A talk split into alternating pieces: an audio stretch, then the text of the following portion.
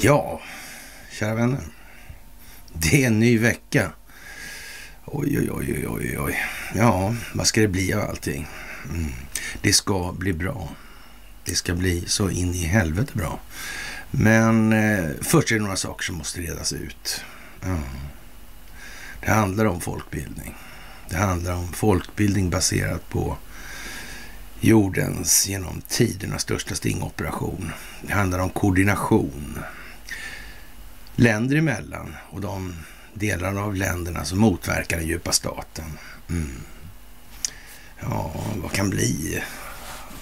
Det kan bli tokigt det här va? Ja, några kommer det bli väldigt tokigt för, det är alldeles säkert. Mm.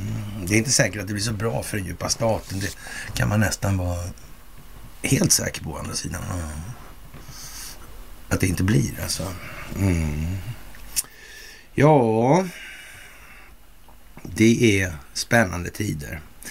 Vi skriver den 24 oktober 2022.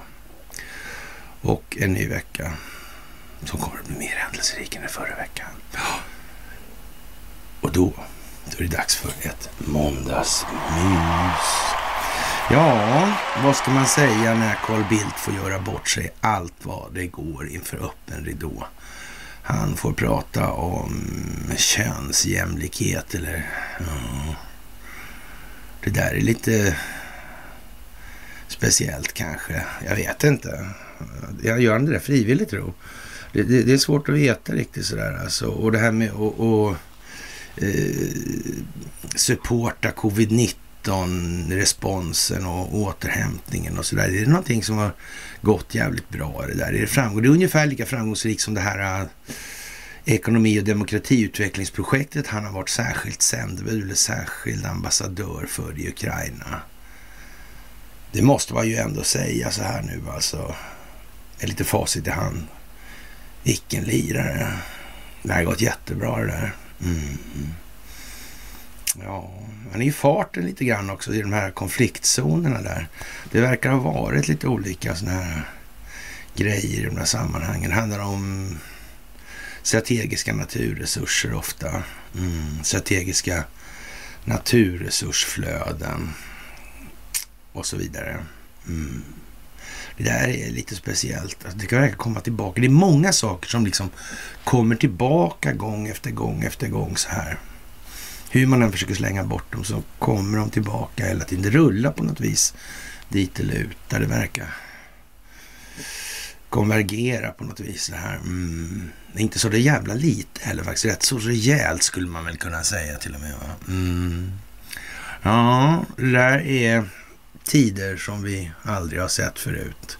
Som vi nu befinner oss i. Det är alldeles säkert alltså. Och Eh, ja, man kan ju som Alberg säger då, eh, Karl mina krig Bildt alltså. Och, och, där skulle alla bra saker han åstadkommit ha stått. Och, och det blev ju en tunn bok då i så fall. Mm. Det blev ju det i så fall alltså. Om det skulle stå de bra sakerna där. Det blev ju ingen bok alls då. Nej. Eh, valet av rubrik där, eller titel. Var inte det konstigt också? Det, kändes ju, det känns ju liksom nästan riggat. Så dumt är det. Ja, man vet ju inte. Kan det vara stacklat? Uh. Alltså det finns ju några problem med det här. Det här när man i amerikanska medier nu, som till exempel X22, börjar prata öppet om att det blir militärtribunaler. Det där är ju lite speciellt alltså, för det måste liksom finnas parter som har rättskapacitet, alltså rättslig kapacitet i det här. Man kan liksom inte, det här med att föra eh, liksom krig mot terrorism då och sen lite godtyckligt eh, kalla folk för terrorister hit och det där, det där är inte riktigt bra alltså ur ett rättsligt perspektiv. Det är det inte. Äh, det där kommer bli tokigt. jag vet inte. Men lika förbannat har den amerikanska militären. De måste ju, det är någon form av krigsförklaring som ligger, grund till det där, ligger till grund för det där då alltså. Mm. Det verkar märkligt. Mm. De helt plötsligt blir angelägna om att, åtala eh, svenskar liksom personligen för olika saker i det här. Det är klart att om den svenska befolkningen blir indragen i det här, det vill säga att statsapparaten har medverkat i det här på ett eller annat sätt och det kan man väl vara lite, eh, ja, vad ska man säga, snäll och, och säga försiktigt att det, det, är nog lätt att tolka det dit hän att, att det har funnits en politisk medvetenhet i ledningen av de politiska partierna för den här verksamheten. Det är ingen direkt som har kritiserat Ericsson Investor och, och de här företagen. Nej här uppvisningen där i Kina är ju anmärkningsvärd får man väl ändå säga. Det är ju en riktig gammal svensk idol alltså. Ja, mm. ja det, det, är lite udda faktiskt, rent ut sagt alltså. Ja, och så var det ju då... Vilken kraft har den djupa staten nu egentligen? Ja. Hur är det där? Det bara flammar upp. Men innan vi börjar med det så ska jag säga tack för allt ni gör i det här. För det är det som är själva prylen. Det är det som skapar bredden i det här nu. Mm. Mitt eh, orerande och mina litanier, det kan ju möjligtvis vara en vägledning för er som redan kan en massa saker i det här. Men det är ju inte så mycket för nybörjare på det viset. Det är ju inte det. Nej. Det handlar ju liksom lite mer, då får vi, vi titta lite mer framåt och vi tittar lite på olika infallsvinklar och perspektiv då i det här. Mm. Men som sagt, det största av tack för det ni gör. Och jättetack för gåvor på Swish och Patreon. Tack för att ni fördjupar er på karlnorberg.se. Och som vanligt ett jättetack för att ni hakar på telegram, telegramtjänsten. Och återigen alltså, underpoddarna och det här är viktiga och då är inte minst viktig i det sammanhanget Free People's Movement. För amerikanerna måste hitta in här. Ryssarna har börjat hitta in av sig själva idag alltså. Så det, de kan vi nog räkna med i, i den meningen och det är möjligt att det, kineserna även känner till de här fåtalet svenskar som de annars brukar prata om. Det, det kan ju vara så alltså. Mm. Och, och, när man tar en gammal president då sådär och, och avhyser honom inför hela världens tv-tittare eller motsvarande, ja då får man nog nästan säga, då har man satt ribban helt enkelt. Ja, han sa väl det, Xi Jinping också i det där sammanhanget. Mm. Det var väl rensat och klart så långt, men korruptionen slår lätt rot igen, va? så man måste vara aktiv i den meningen. Ja. Mm. Och då är det väl som sagt när Kina anmäler klart från kön. Ja, då är det frågan om vad som händer här egentligen. Mm. Man kan väl nästan eh, säga att om den svenska statsledningen eller den så kallade statsledningen då har ägnat sig eller så att säga underlåtit kanske mm, att agera på uppdrag av befolkningen utan istället har agerat för enskilda vinstmaximeringsintressens räkning. Ja, då är det ju lite udda. Då får man ju rent definitionsmässigt konstatera det att då är Sverige en failed state alltså. Mm. De har alltså sprungit fel ärenden och sen om man har gjort det med uppsåt eller inte, det är lite av underordnad betydelse därför att nettoeffekten av det blir ju detsamma och resten av världen kan inte acceptera det längre. Så är det ju. Mm. Och, och, som vore det av en jävla händelse då så hör den ryska ambassaden av sig idag alltså. Mm. Och det är nazister och det är historien och det är hej och hå. Mm. Det verkar inte släppa det där på något vis alltså. Det verkar som de biter sig fast i det här migefarben och sådana saker. Vad tog de vägen de här paperclip-gubbarna egentligen? Hur såg det ut egentligen med atomvapnet där och grunden för det kalla kriget. Hur såg det här ut i grund och botten? Vilka intressen låg bakom vad? Ja, vi har ju pratat om det här rätt så mycket skulle man väl kunna säga då genom åren här nu. Och nu visar det sig då att det här verkar ju stämma med deras uppfattning om hur det här ser ut också. Det är ju fan inte klokt alltså. Va? Vad tokigt hela det kalla kriget-grejen där. Att det var, liksom verkar vara något riggat det här. Mm. För det verkar nog ganska så trovärdigt i alla fall och, och, och att den kinesiska statsledningen eh, känner till det här med opiumkrigen och vilka intressen som fanns inblandade i det här. Vi kommer tillbaka till det också. Ja. Det verkar ju faktiskt trovärdigt. Och de där 200 åren man pratar om, det var väl trots allt 200 år. Mm. Jaha. Mm. Men man kanske inte visste någonting. Ja, det fanns ingen dokumentation kvar i Kina heller förresten på det. Nej. Nej. Ryssland har ingen dokumentation på någonting heller förstås. Ingenting. Inte, det fanns inte en bokstav i Sankt Petersburgs universitetsbibliotek där. Nej. Ingenting. Någonstans. Oj, oj, oj, oj, oj, oj. Snövita liljor. Oskuldsfullhet. Svenskar, ja då. Eller kanske det är som Torsten Nothin säger. Eller sa. Mm. Den falska solidaritetens altare kommer att ge sig till känna alltså. Ja, och där ligger en dyster upptäckt för den svenska befolkningen, tro inget annat. Så. Men som sagt, eh, ja, det, just nu i alla fall så ser det väl ut att tendera till att eh, Sverige är en fail state. Alltså. Mm. Det är ingenting som är rätt. Nej, i princip inte. Allting är fel. Och när Kent Werner sitter på bokmässan och håller på som han gör. Men är inte det lite gulligt? Man undrar ju lite där. Ja, det är som upplagt liksom. Och det politiska etablissemanget, de är väldigt tysta. Ja, hur, I Dagens Nyheter idag tror jag var han Schulman, där va? Mm.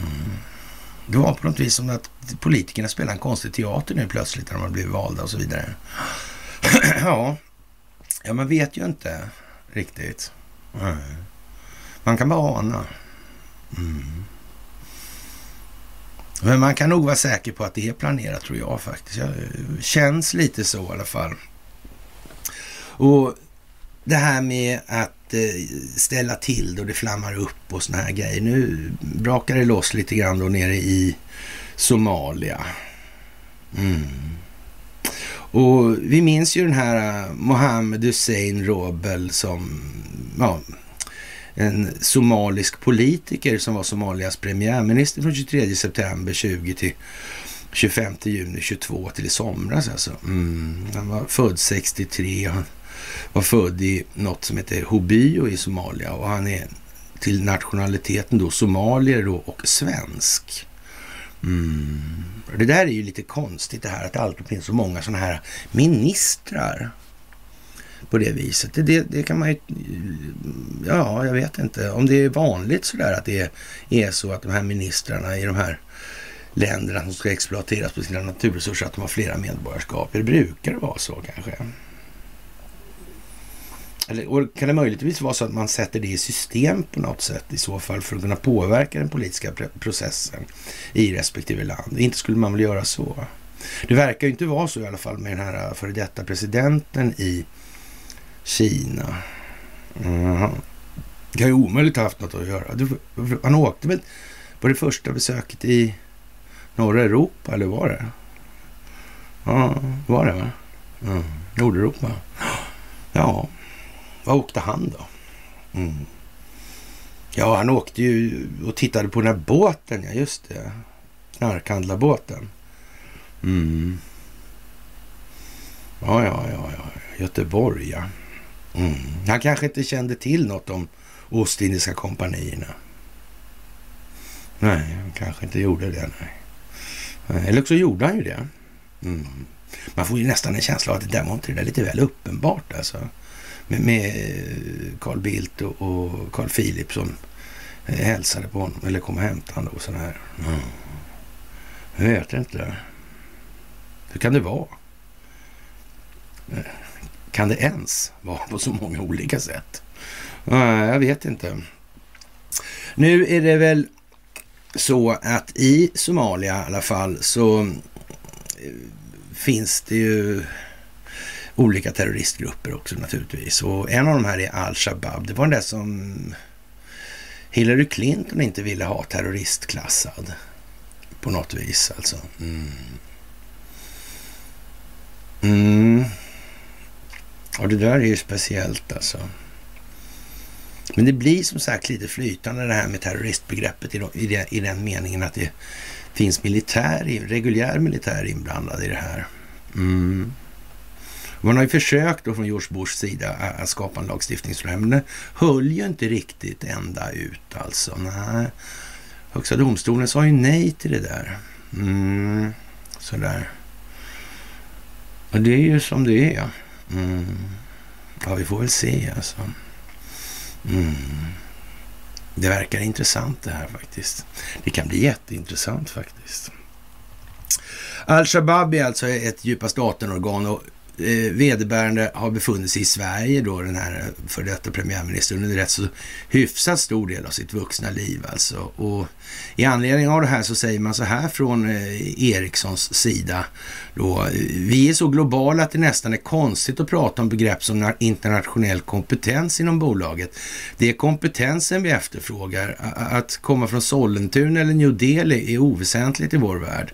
Mångfalden är lika naturlig som att vi andas, säger Anki Ljung, Head of Talent Acquisition Sweden Group Functions på Ericsson för ett par år sedan då när det här var aktuellt då. Och Eh, det är ingen slump att nästan alla de senaste terrorattackerna i Nordafrika har antingen förberetts i Libyen eller begåtts av miliser utbildade i Libyen eller Irak. Boko Haram, Al-Qaida och Islamiska Maghreb, Isis, Malis Ansar Dine och bokstavligen tiotals andra har alla haft stor nytta av förstörelsen i Libyen. Det var ju konstigt det där. Och så var ju, vilka var det som höll på med peka ut målen då?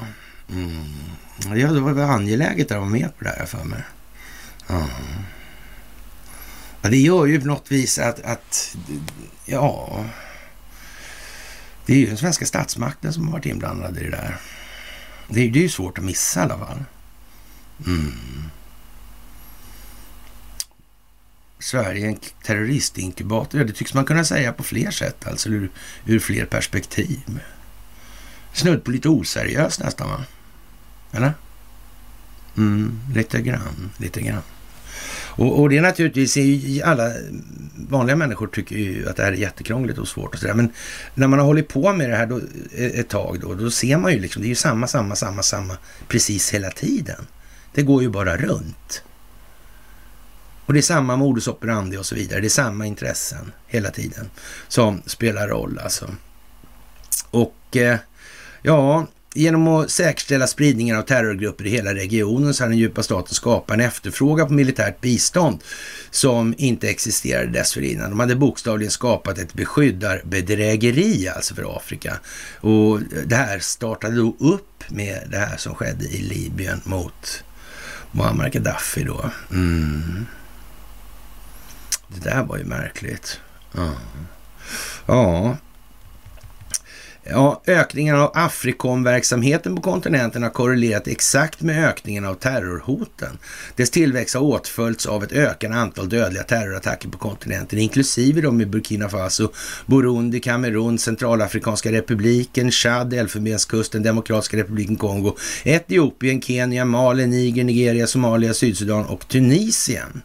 Det är ju liksom inte bara lite grann här nu, utan Eh, det är bara, antingen är det ju så, så att det ligger liksom en planering från djupa statens sida i det här. Och, och det här har man genom Donald Trumps presidentskap börjat montera ner då i mer öppen form. Mm. Eller också är det bara ren tur alltså för djupa staten helt enkelt alltihopa hela tiden. Det finns ingen planering. Eller som eh, Kent Werner skulle säga, det finns ingen konspiration. Nej, precis alltså. Och ja, i, det här är ju liksom vad det är då. Donald Trump, han eh, gjorde ju, så att säga, han spelade över det här helt enkelt då. Mm. Skickade dit jättemycket militär och sådana grejer. Mm. Av mer reguljär natur. Så såg till att det inte var lika korrumperad militär där. Mm. Den här militären alltså. Verkar vara så att det finns korrumperade militärer både här och var. Inte i Sverige dock. Och det bästa av allting är att militären själv Och om man skulle fråga ett antal militärer skulle säga att nej. Precis som de var höjda över alla brister, alla moraliska brister som kan tänkas hos en människa. Ja, ja. ja. Jag vet inte om det är så faktiskt. Lite svårt att tro det faktiskt. Ja, eh, ja, vad Trump-administrationen gjorde egentligen var, eh, som den gjorde då med i stort sett alla politiska områden, var att man lämnar den tidigare politiken med sin dolda mjuka makt för att ersätta den och förlänga den med järnnäven helt, eh, ja, som faktiskt funnits i förarsätet hela tiden här. Och ja, det, det, blev ju lite sådär alltså. Och, och ett sånt här tilltag då, det är ju så att säga ett uttryck för frustrationen. Det är vad man kan få till alltså. Mm. Skapa kaos och ordning. Det är vad som gäller då. Va? Mm. Räcker det? Nej, det gör det inte. Det kommer inte att räcka.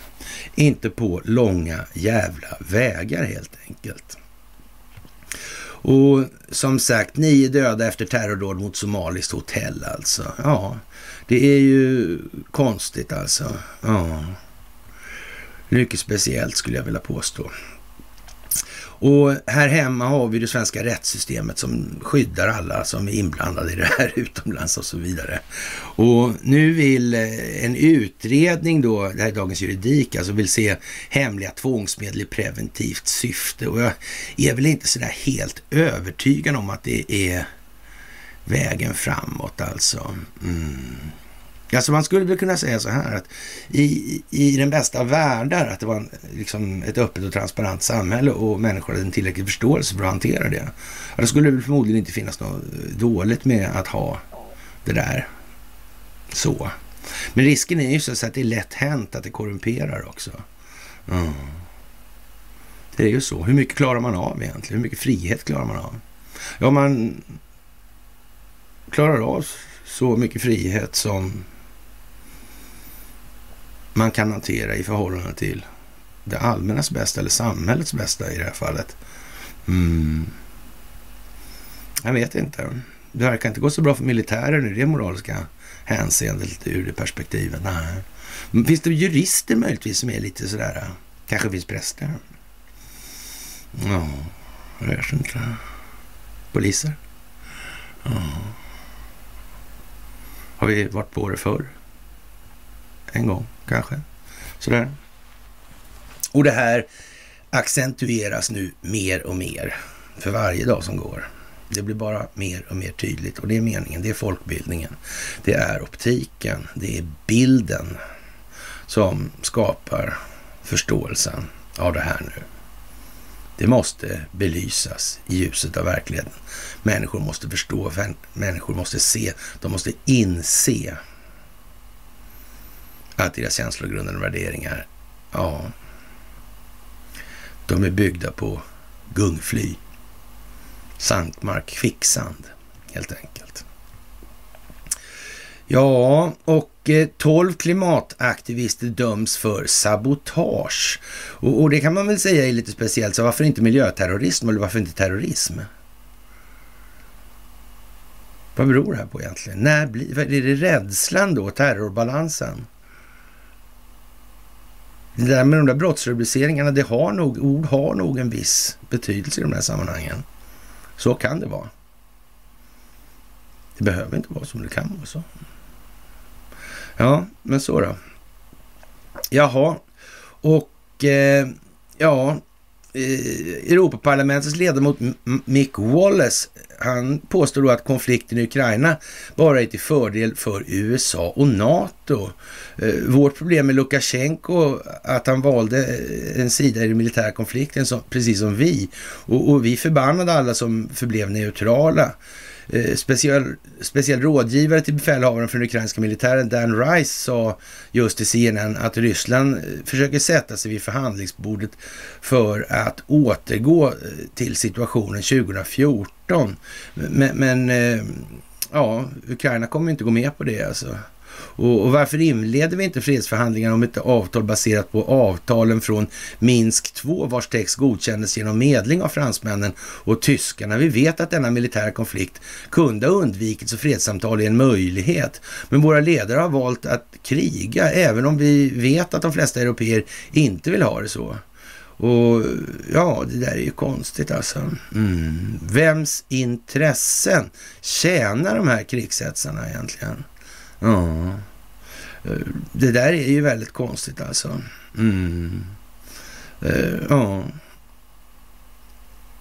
Denna här, den här militära konflikten kan passa USA och NATO, alltså, men européerna, eh, de behöver inte den alltså. De måste söka fred. Mm, så är det ju. Mm. Men vad gör Sverige då? Pinsamt nog, ja. Mm, det är ju det. Mm, men vi har ju Carl Bildt. Det är bra. Och ja, amerikanerna har ju ambitiösa planer på det här med kärnenergi och så vidare. Men de har ett litet problem helt enkelt. Det är bränslet. Och I den mån de inte har sålt det där genom Uranium One och såna här grejer. Mm. Det är Rosatom också. Mm. Hillary Clinton. Durham. Mm. Datorerna. Mm. Ja, det var det där med topless alltså. Det var några stycken där. Vi tog upp det förra gången. Det där är ju väldigt speciellt alltså. Ja, vi får väl se helt enkelt hur det blir med det här. Och, och det kommer att bli bra som sagt. Och det är mycket som ska upp på bordet, inte minst för svenskt vidkommande. Alltså, och ingenting av det i princip är någonting som etablissemanget vill kännas vid. Men som vi har sagt så många gånger nu, det kommer att slå in från utlandet. Och då gäller det att inte vi som befolkning bara har suttit på arslet och vi därmed framstår som helt ovärdiga till självbestämmande eftersom vi i och med det utgör en påtaglig fara både för oss själva och andra. Det är ju så det är. Vi måste ta vårt ansvar nu. Det går inte annars.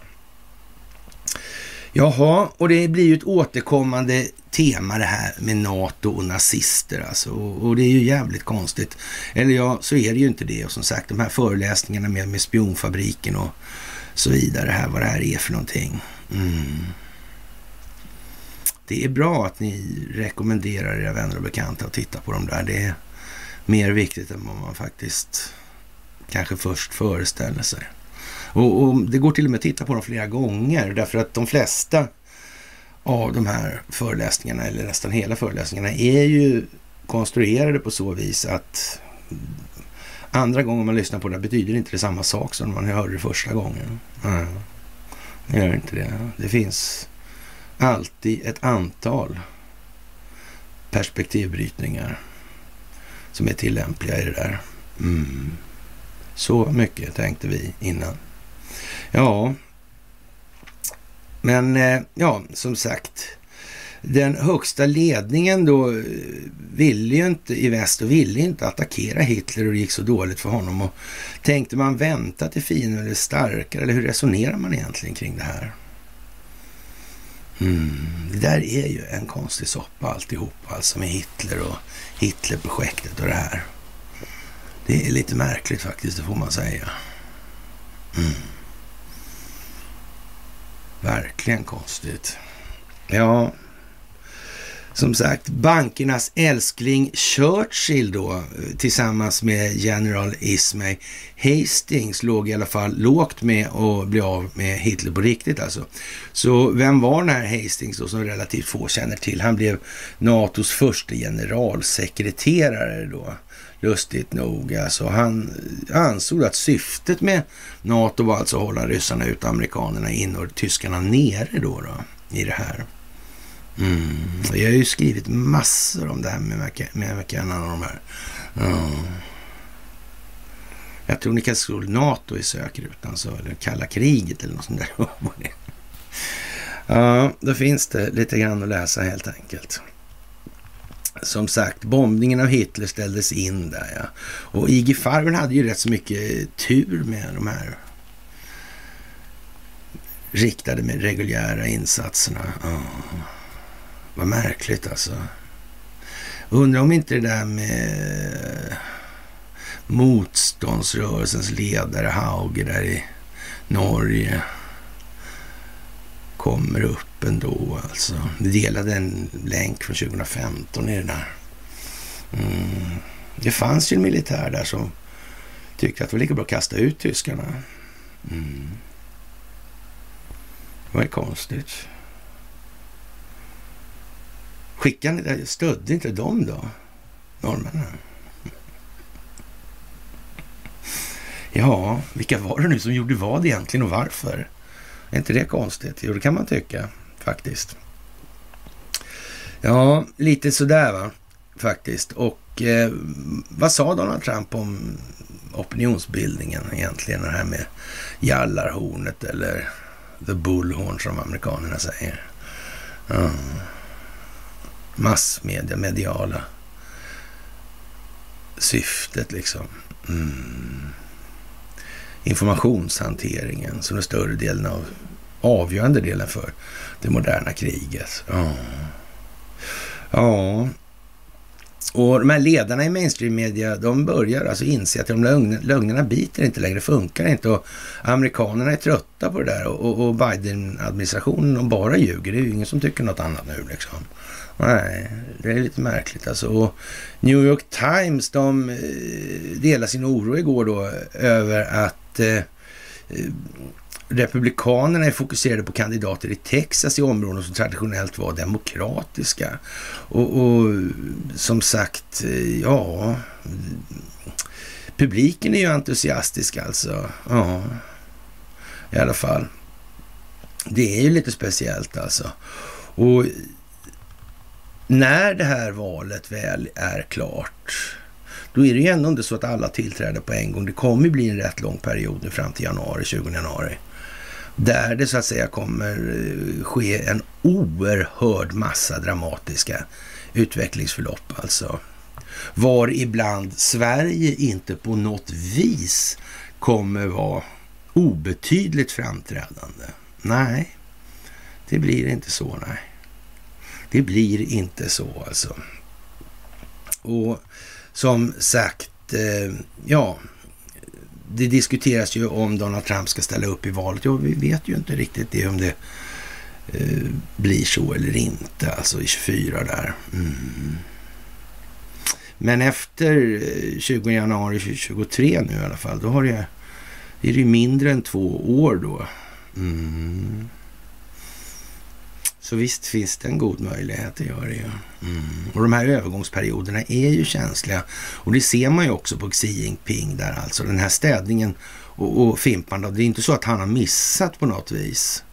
Han som var då lärjunge hos den här fantastiska ambassadören i Sverige från Kina. Mm. Första västerländska, eller första kinesiska ambassadören i västlandet. Mm. Han som gav bort koncessionen eller kontrollen över kinesisk telekominfrastruktur till telefonaktiebolaget Ericsson. Mm. ja, det var Antti Afsans farsa anställd såg jag på ett Youtube-klipp igår. Det var ju lite kul faktiskt, det måste jag ju säga. Jag tycker det var lite speciellt alltså. Mm. Ja, ja. Och eh, det här med New York Times och Washington Post där. De här medierna alltså. Mm. Konstigt alltså. De här eh, ryska samverkanslögnerna och, och, och Pulitzerpriset och så här. Mm. Ja, det där är lite speciellt alltså. Ja, vi får väl se vad som händer när sanningen når folkets medvetna medvetande, helt när de inser, när de förstår. Då kan det bli rörigt alltså. Men som sagt, det måste vara ordnade former i det här. Det är en part som inte vill ha ordnade former. Det ska vi minnas i det här. Det är viktigt. Faktiskt. Jaha, och USA har då enligt ja, prognoser då i alla fall 25 dagars dieseltillförsel och, och brist kan alltså lamslå ekonomin alltså. Och, och, det kan man ju eh, säga är, är, oacceptabelt lågt. Det säger Vita huset, så då får man väl anta att de menar det då alltså. Och, och det här är den lägsta nivån för oktober som finns registrerad eh, tillbaka till 93 alltså enligt en Blomberg-analys då. Och, och, jag vet inte om transportsektorn har någon betydelse i USA. Det kanske, kanske har det. Mm. Kan det här ligga med i kalkylen på något vis alltså? Mm. Det handlar ju någonstans också, till syvende och sist så måste man nog tvinga en bra bit av befolkningen att börja reflektera, börja se efter, börja tänka efter. Mm. Det är nog så. Man kan inte bara sköta sig själv och skit i andra. Det är inget bra exempel på samhällsbyggnad. Nej, det är det inte. Det är helt säkert ett jättedåligt sätt. Och jag tror vi är kanske planetens mest framträdande exempel på det. Ja, naturligtvis under förespegling av det rakt omvända, alltså som all projicering i de här sammanhangen. Mm, vi är en humanitär stormakt alltså. Mm. Vad fint, vad fint. Ja, det lär ju visa sig hur eh, det blir med den saken så att säga. Och det är ju lite nesligt för USA att de fick slut på diesel då i så fall. Ja, och recessionen närmar sig med stormsteg, skriker då Dagens Industri. Och jag vet inte, eh, det här med betongkepsar och cykelryggar, det sa man i hockeyn och folk som inte tittade upp då. Mm, hade ingen aning om hur omgivningen hade flyttat på sig liksom. Mm. De här politiska betongkepsarna, det är inte betonghäckarna då, arslet alltså. Nej, det är liksom lågt och man tittar bara så långt fotsulorna räcker eller tårna räcker. Ja. Det är ju lite grann sådär alltså. Och man, man har då kommer med diverse förklaringar till vad det här beror på och så vidare inom ramen för då ja, den ekonomiska lyriken ska vi väl säga, eller prosan i alla fall. Ja. och det är så dumt så liknar ingenting som vanligt alltså. Det här med skuldmättnad är inte så särskilt intressant på alla håll. För då förstår alla att då behöver inte prata om det här mer. För då är det färdighaft. Och, här, och då kommer nästa fråga. Hur i helvete kan det komma sig att ni inte har tagit upp det då? Nu vet jag hela tiden att det ska bli så här. Det fattar vem som helst när man förstår att det är så. Eller kan man möjligtvis ha då hur stor finansiell belastning som helst på en realvärdeförädlande produktiv ekonomi? Det, det, man, det går bra alltså. Den kan växa. På, på en ändlig planet kan man väl dra till med också för att göra lite övertydlig att det inte går alltså. Nej, det gör ju inte det. Och, och det är inte så svårt att förstå. Och, och ja, det, men ändå så, så... Ja, det är som det är helt enkelt. Och en annan bra grej som kommer nu i, ljuset av det här förvärvet av Twitter, det är att SpaceX Starlink kan få pengar från EU för att betala för service i Ukraina. Alltså, och 27 utrikesministrar som representerar länder i Europeiska unionen, eh, ja, EU, alltså Starlink-tjänster i Ukraina. De pratar om att finansiera Starlink för att underhålla telekommunikationssystemen i Ukraina. Och en litauer då, som utrikesminister, som heter Gabrielus Landsbergis, sa till politiker att EUs diskussioner om finansiering av statliga tjänster eh, i Ukraina fortfarande är i ett tidigt skede. Och jag tänkte att det förmodligen är bättre att ha detta som ett avtal mellan oss Eh, eller mellan, låt eh, oss säga, en koalition av länder som kan köpa en tjänst från Mr Musk, eh, Starlink-tjänsten och tillhandahålla den till ukrainarna och fortsätta tillhandahålla den till ukrainare, konstaterar Landsbergis då. Och, och Litauens utrikesminister berättar också att flera EU-länder har visat intresse för att finansiera Starlink-tjänster i Ukraina. Mm. Ja, jag vet inte, ja. Det är väl konstigt alltså. Men, men då vill det väl till att inte, ja vad ska vi säga, eh, Elon Musk kommer på då att det där kan jag ju använda som bollträ alltså. Jag kan ju, han hade väl någon idé om Ukraina, hade han inte det? Någonting om fred. Det hade han va? Var det inte så han sa? Det vart inte så populärt. Och ska de köpa det där, jag vet inte faktiskt. Och så Twitter ovanpå det. Det här låter ju som man har liksom nästan gjort det här med flit. Alltså Landsbergs verkar ha liksom... Han verkar ha dubbla manuskript, minst. Ja, regisserad av en fast hand kanske. Stackel. Jag vet inte. Något av det kan det vara. Något av det kan det vara. Ja, det, det är ju lite sådär. Och ja, eh, vad ska vi säga, Landsbergs uttryckte oro över att Ukrainas internetåtkomst är i händerna på en enda person, alltså då i det här. Och, och, och han uttalat Ukrainas telekommunikation inte borde vara i händerna på en person som kunde vakna upp en dag och säga det här är inte längre vad jag känner för att göra och, och, och det här är vad jag känner för att göra. Nej, just det. Nu, nu vet jag inte hur det går naturligtvis, men det skulle ju kunna gå så illa att det här, ja, det spårar ur fullkomligt och så. Mm. Fram med lädret alltså, annars är det färdighaft. Mm. Och hur länge orkar de betala då? Ja, det blir inte bättre här. Det verkar vara som de säger i Dagens Industri, det verkar ju stå recession för dörren. Det är ju konstigt.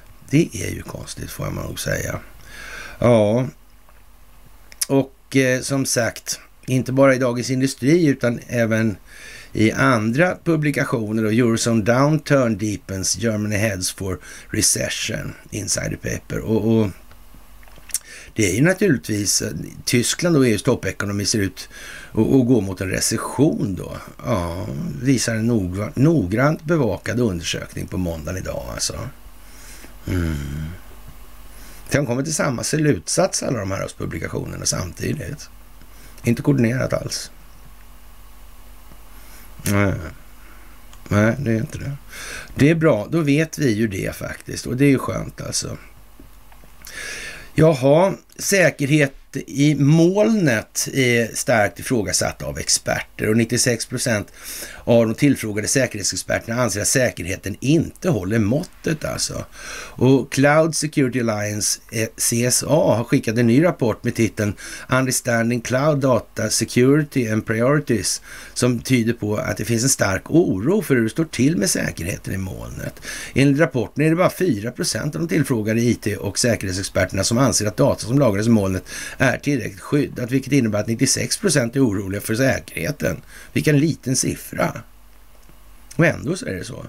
Och ändå behöver de ha liksom prioritetsordningen som du ska öka de rättsliga tvångsmedlen alltså. Mm. Ja, ja. Jag vet inte. Kanske det är till för att skapa en aha-upplevelse kanske. Folk ska förstå. Folk ska inse. Vet inte. Kanske. Ja, ja. Jaha, många av de som svarar uppger även att det är svårt att hålla koll på filerna som sparas i molnet.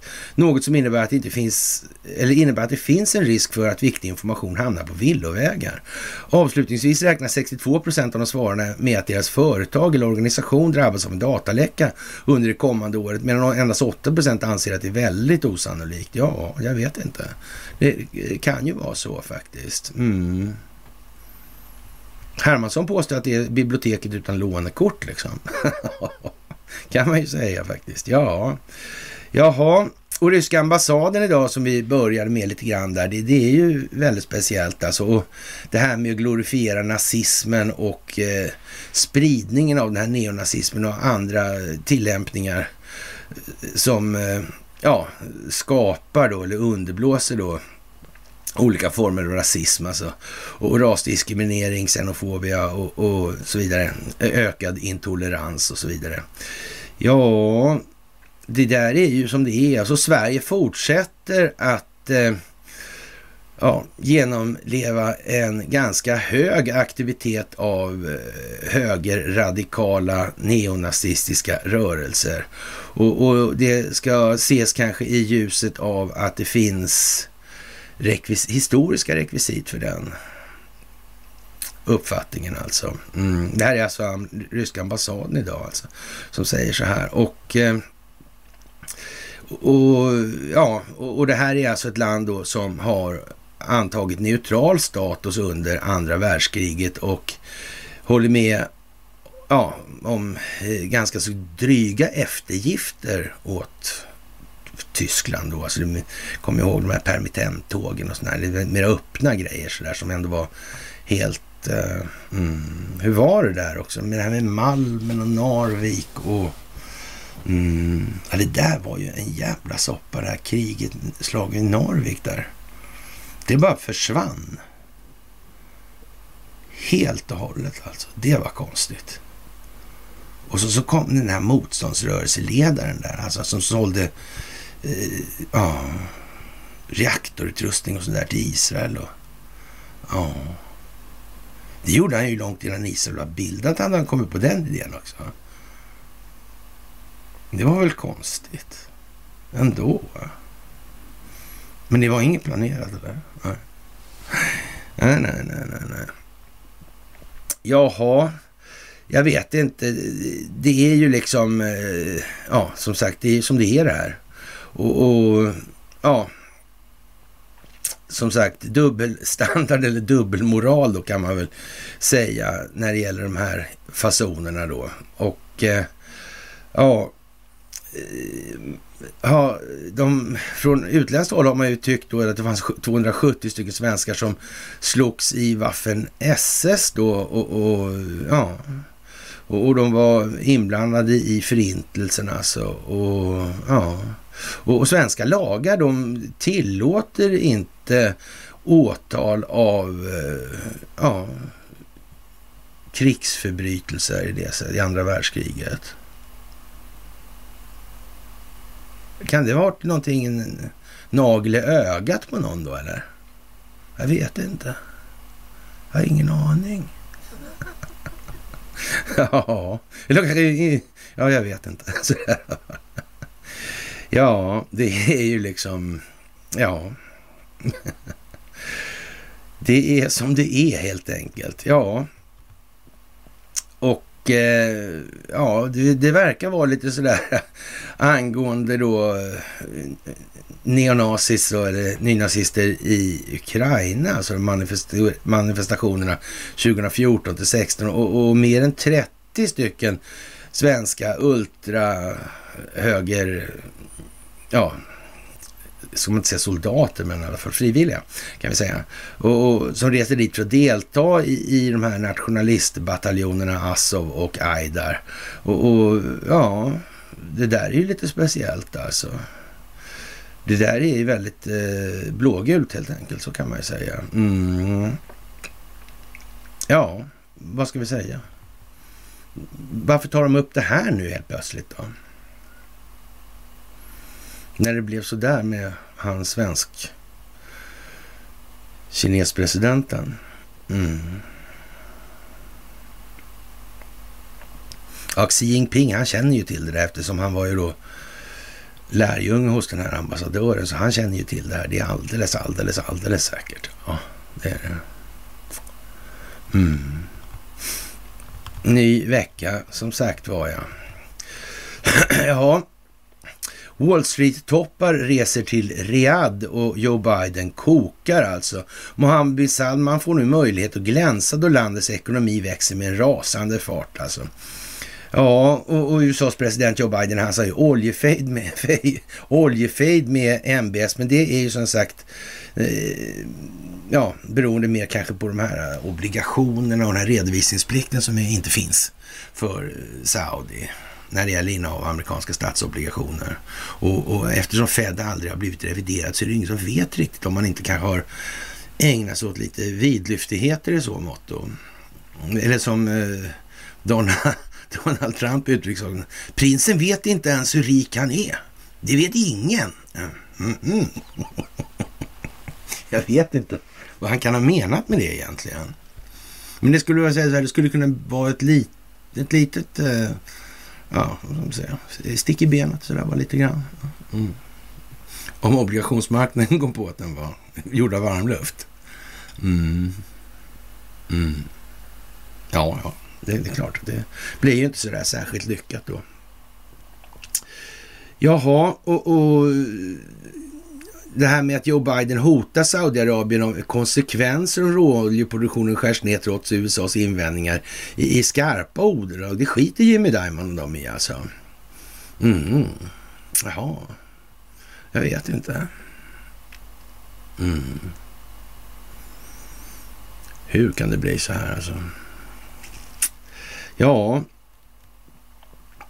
det här är det för Saudiarabien i allmänhet och den saudiska kronprinsen i synnerhet är det förestående investeringsmötet Future Investment Initiative ett sätt att locka, till, locka miljarder dollar då till Saudi. Och, och ja, han har bjudit in världens finanselit och ett antal Wall Street-toppar, alltså allt medan USAs resident Joe Biden rasar över att Saudi planerar, på skär, planerar att skära ner råoljeproduktionen. Alltså, ja. Budgetöverskottet i Saudi är det första sedan kronprinsen kom till makten, framgår det. Och det innebär att betydande summor kan kanaliseras till aktiemarknaden och andra tillgångar globalt, skriver Blomberg alltså. Mm.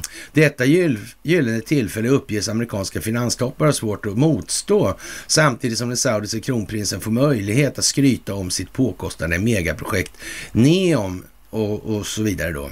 Och det där är ju vidlyftigt så det räcker, men det spelar kanske ingen roll här nu. Det är ju inte det det här handlar om i grund och botten alltså. Det här handlar om att bli av med den djupa staten och så vitt det är känt så vet inte jag om Saudi Eriksson är lite påverkad av det här kanske. Mm. Jag vet inte. Vi får väl se helt enkelt. Ja, och, och, det kan väl vara så att man befinner sig under kontroll av amerikanska justitiedepartementet, den del som så att säga motverkar den djupa staten. Mm. Mm. mm. Då är det ju som det är alltihopa det här, faktiskt. Ja, det är ju eh, speciellt får man säga. Och Sveriges biståndsnivå bedöms sänkas till Ukraina. Ja, det verkar som att han är flaggan lite grann då. Mm. Kanske inte Zelenskyj ska vinna, eller har han redan vunnit kanske? Mm, de behöver inte så mycket pengar längre. Ryssarna har flytt. Mm. Ja, man vet ju inte. Tumskruvar, de drog man åt en gång i tiden, så var det ju. Ja, Lägre elpriser pressar ner inflationen, eh, skriver SvD och, och, det är helt jävla hjärndött. Ja, inflöde av pengar trycks alltså ner, eller vad menar idioterna här egentligen alltså? Och, och det är alltså en penningtvättande lallare som håller hov i det här då. då. Nordeas chefsanalytiker Torbjörn Isaksson. Ja. För de, det var väl så med danska skattemyndigheten igår eller om det var idag. Ja. Har inte de någonting att säga om det där? Mm. Med pannan på pappren kanske. Jag tror det var så i alla fall. Jag tror det var så. Och jag vet inte, eh, är det, är det ett annat Nordea det här på något vis? Mm. Ja, det där verkar konstigt. Men de vill ju ha lite pengar av Nordea i alla fall och tydligen danska skattemyndigheterna. Då hade man ändå gjort upp redan innan också. Jag vet inte, det verkar ju jättekonstigt allt det här. Som sagt alltså. Mm. Och som sagt, den här Jens Christian Hauge, alltså det är motståndsrörelsens ledarfigur. Han gjorde en magnifik karriär, alltså får man ju säga. Mm. Det var folk som hade otur värre, som stod före på kölistan. Mm. Men det där var konstigt alltså. Och, och, för att förstå varför de norska myndigheterna helst vill glömma fientligheterna i norra Svinarvik Norvik måste man gå tillbaka till mellankrigstiden då Norge var neutralt alltså fortfarande. Endast en som deltog i det mest omfattande krig som utkämpades i Norge var dekorerad, det blev dekorerat med krigskorset alltså. General Carl Gustav Fleischer eh, efter hans död Eh, totalt 282 har fått denna höga utmärkelse. En person som var kritisk till den rådande försvarspolitiken var alltså generalen Fleischer. Han var i opposition till Arbeiderpartiet och på 30-talet och hade öppet kritiserat Norges ovilja att utrusta försvarsmakten. Det var konstigt det där alltså. Konstigt. Mm. Som sagt, Norsk Hydro. Mm, hur skulle du kunna hitta sitta ihop det här? Mm. Kan det vara så att den här ja, telekomfamiljen har varit fing haft fingrarna med där? I någonting. För de fan, fan var de med och startade Norsk, Norsk Hydro kanske? Jag vet inte. Mm. Ingen aning. Ingen aning. Jaha, och, och, och, det är lite märkligt. Och efter den tyska invasionen den 9 april etablerar sig Fleischer som överbefälhavare för de norska styrkorna i Nordnorge. Utan samtycke från sina befälhavare. In, det här är ju bra alltså. Ja, och, och, det här har alltså gått, det har passerat ut ur historien, det är värre än Sverige alltså. Men, men de är inte riktigt något annat än Sverige heller, så det, och har väl aldrig varit kanske. Eh, utanför, kanske möjligen länge, länge sedan, men det vet vi ingenting om egentligen. Alltså det, det har alltid varit eh, ränder där uppe i Skandinavien alltså. Det är väl lika bra vi håller ihop resten också då. då. Eh, fast vi kan väl göra det mer öppet tycker jag istället.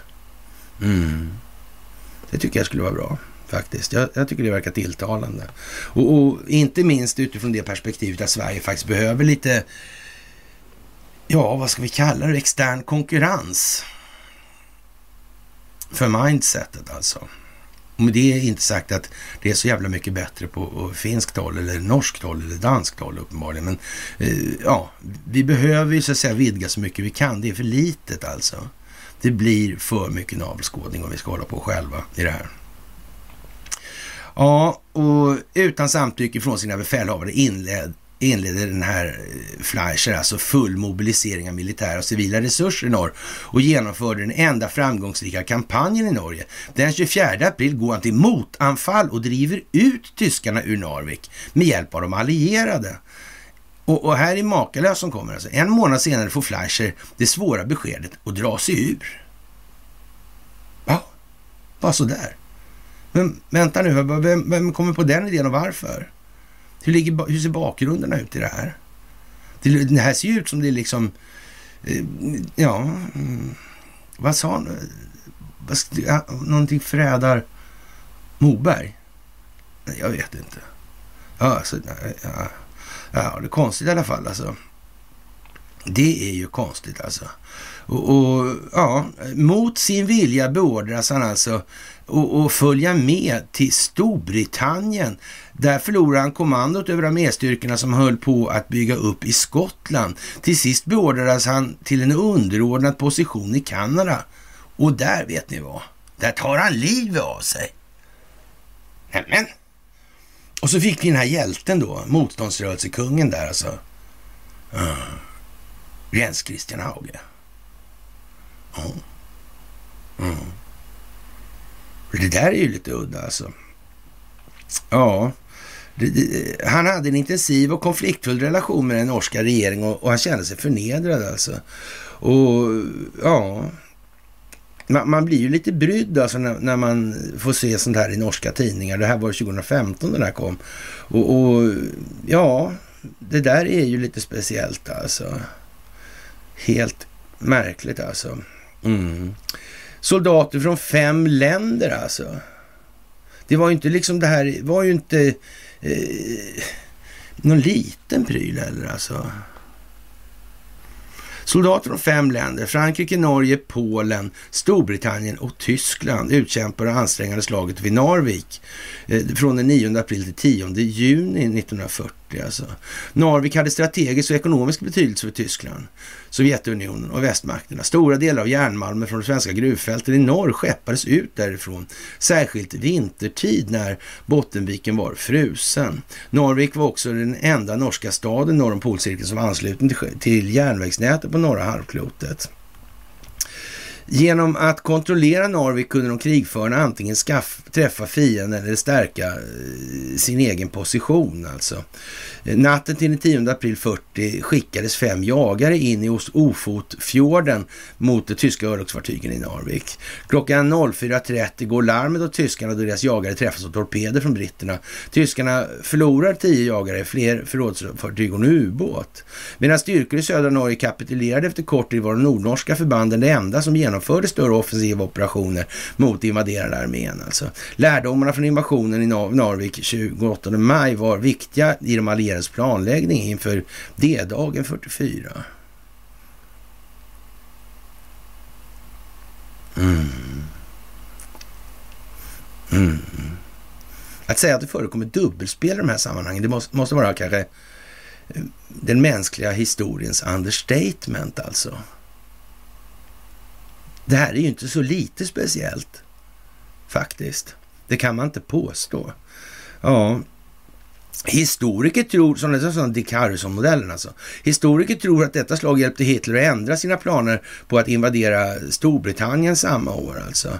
Ja, Eh, slaget om Narvik ägde rum under extrema väderförhållanden i mörker på branta bergssidor som störtade mot fjordarna och i ett avlägset ogästvänligt område fattigt på vägar och förnödenheter. Den tyska styrkan var som mest nära 6 000 man medan den allierade styrkan var omkring 24 000. Dessutom fanns det 8 till 10 000 norrmän. Men när matchen var över så hade ingen vunnit och ingen förlorat. Narvik var världsnyheternas centrum i två månader här då. Och, och under decennierna efter kriget var Narvik möjligen Norges mest kända stad eh, utomlands på grund av det här slaget alltså. Mm. Ja, som sagt. Eh, jag har en bok som står här bakom mig. Nej, den ligger där förresten, tror jag den gör. Ja, hur som helst. När man lägger ihop sånt här som man kan hitta nu på nätet öppet, alltså Wikipedia och sådär, med det som står, de tidningar som skrevs då för tiden. Mm. Och det här blir praktiskt också, för man har ju då från eh, svensk, eh, svenska myndigheters sida beslutat sig om att lokalisera ut då, eller hela tidningsbeståndet från Kungliga biblioteket, alltså digitalisera det där. Mm. Det gör man alldeles bredvid Ljungaverk förresten, by the way. Jag sa aldrig det sist, men det är ju lite speciellt ändå i de här sammanhangen. Tänk, verkar gå ihop det här på något vis. Vad tycker ni? Ja, för helvete, sluta tjata. men det var, så, det var väl otrevligt sagt. Jag försöker ju vara lite artig och snäll. Mm. Ja.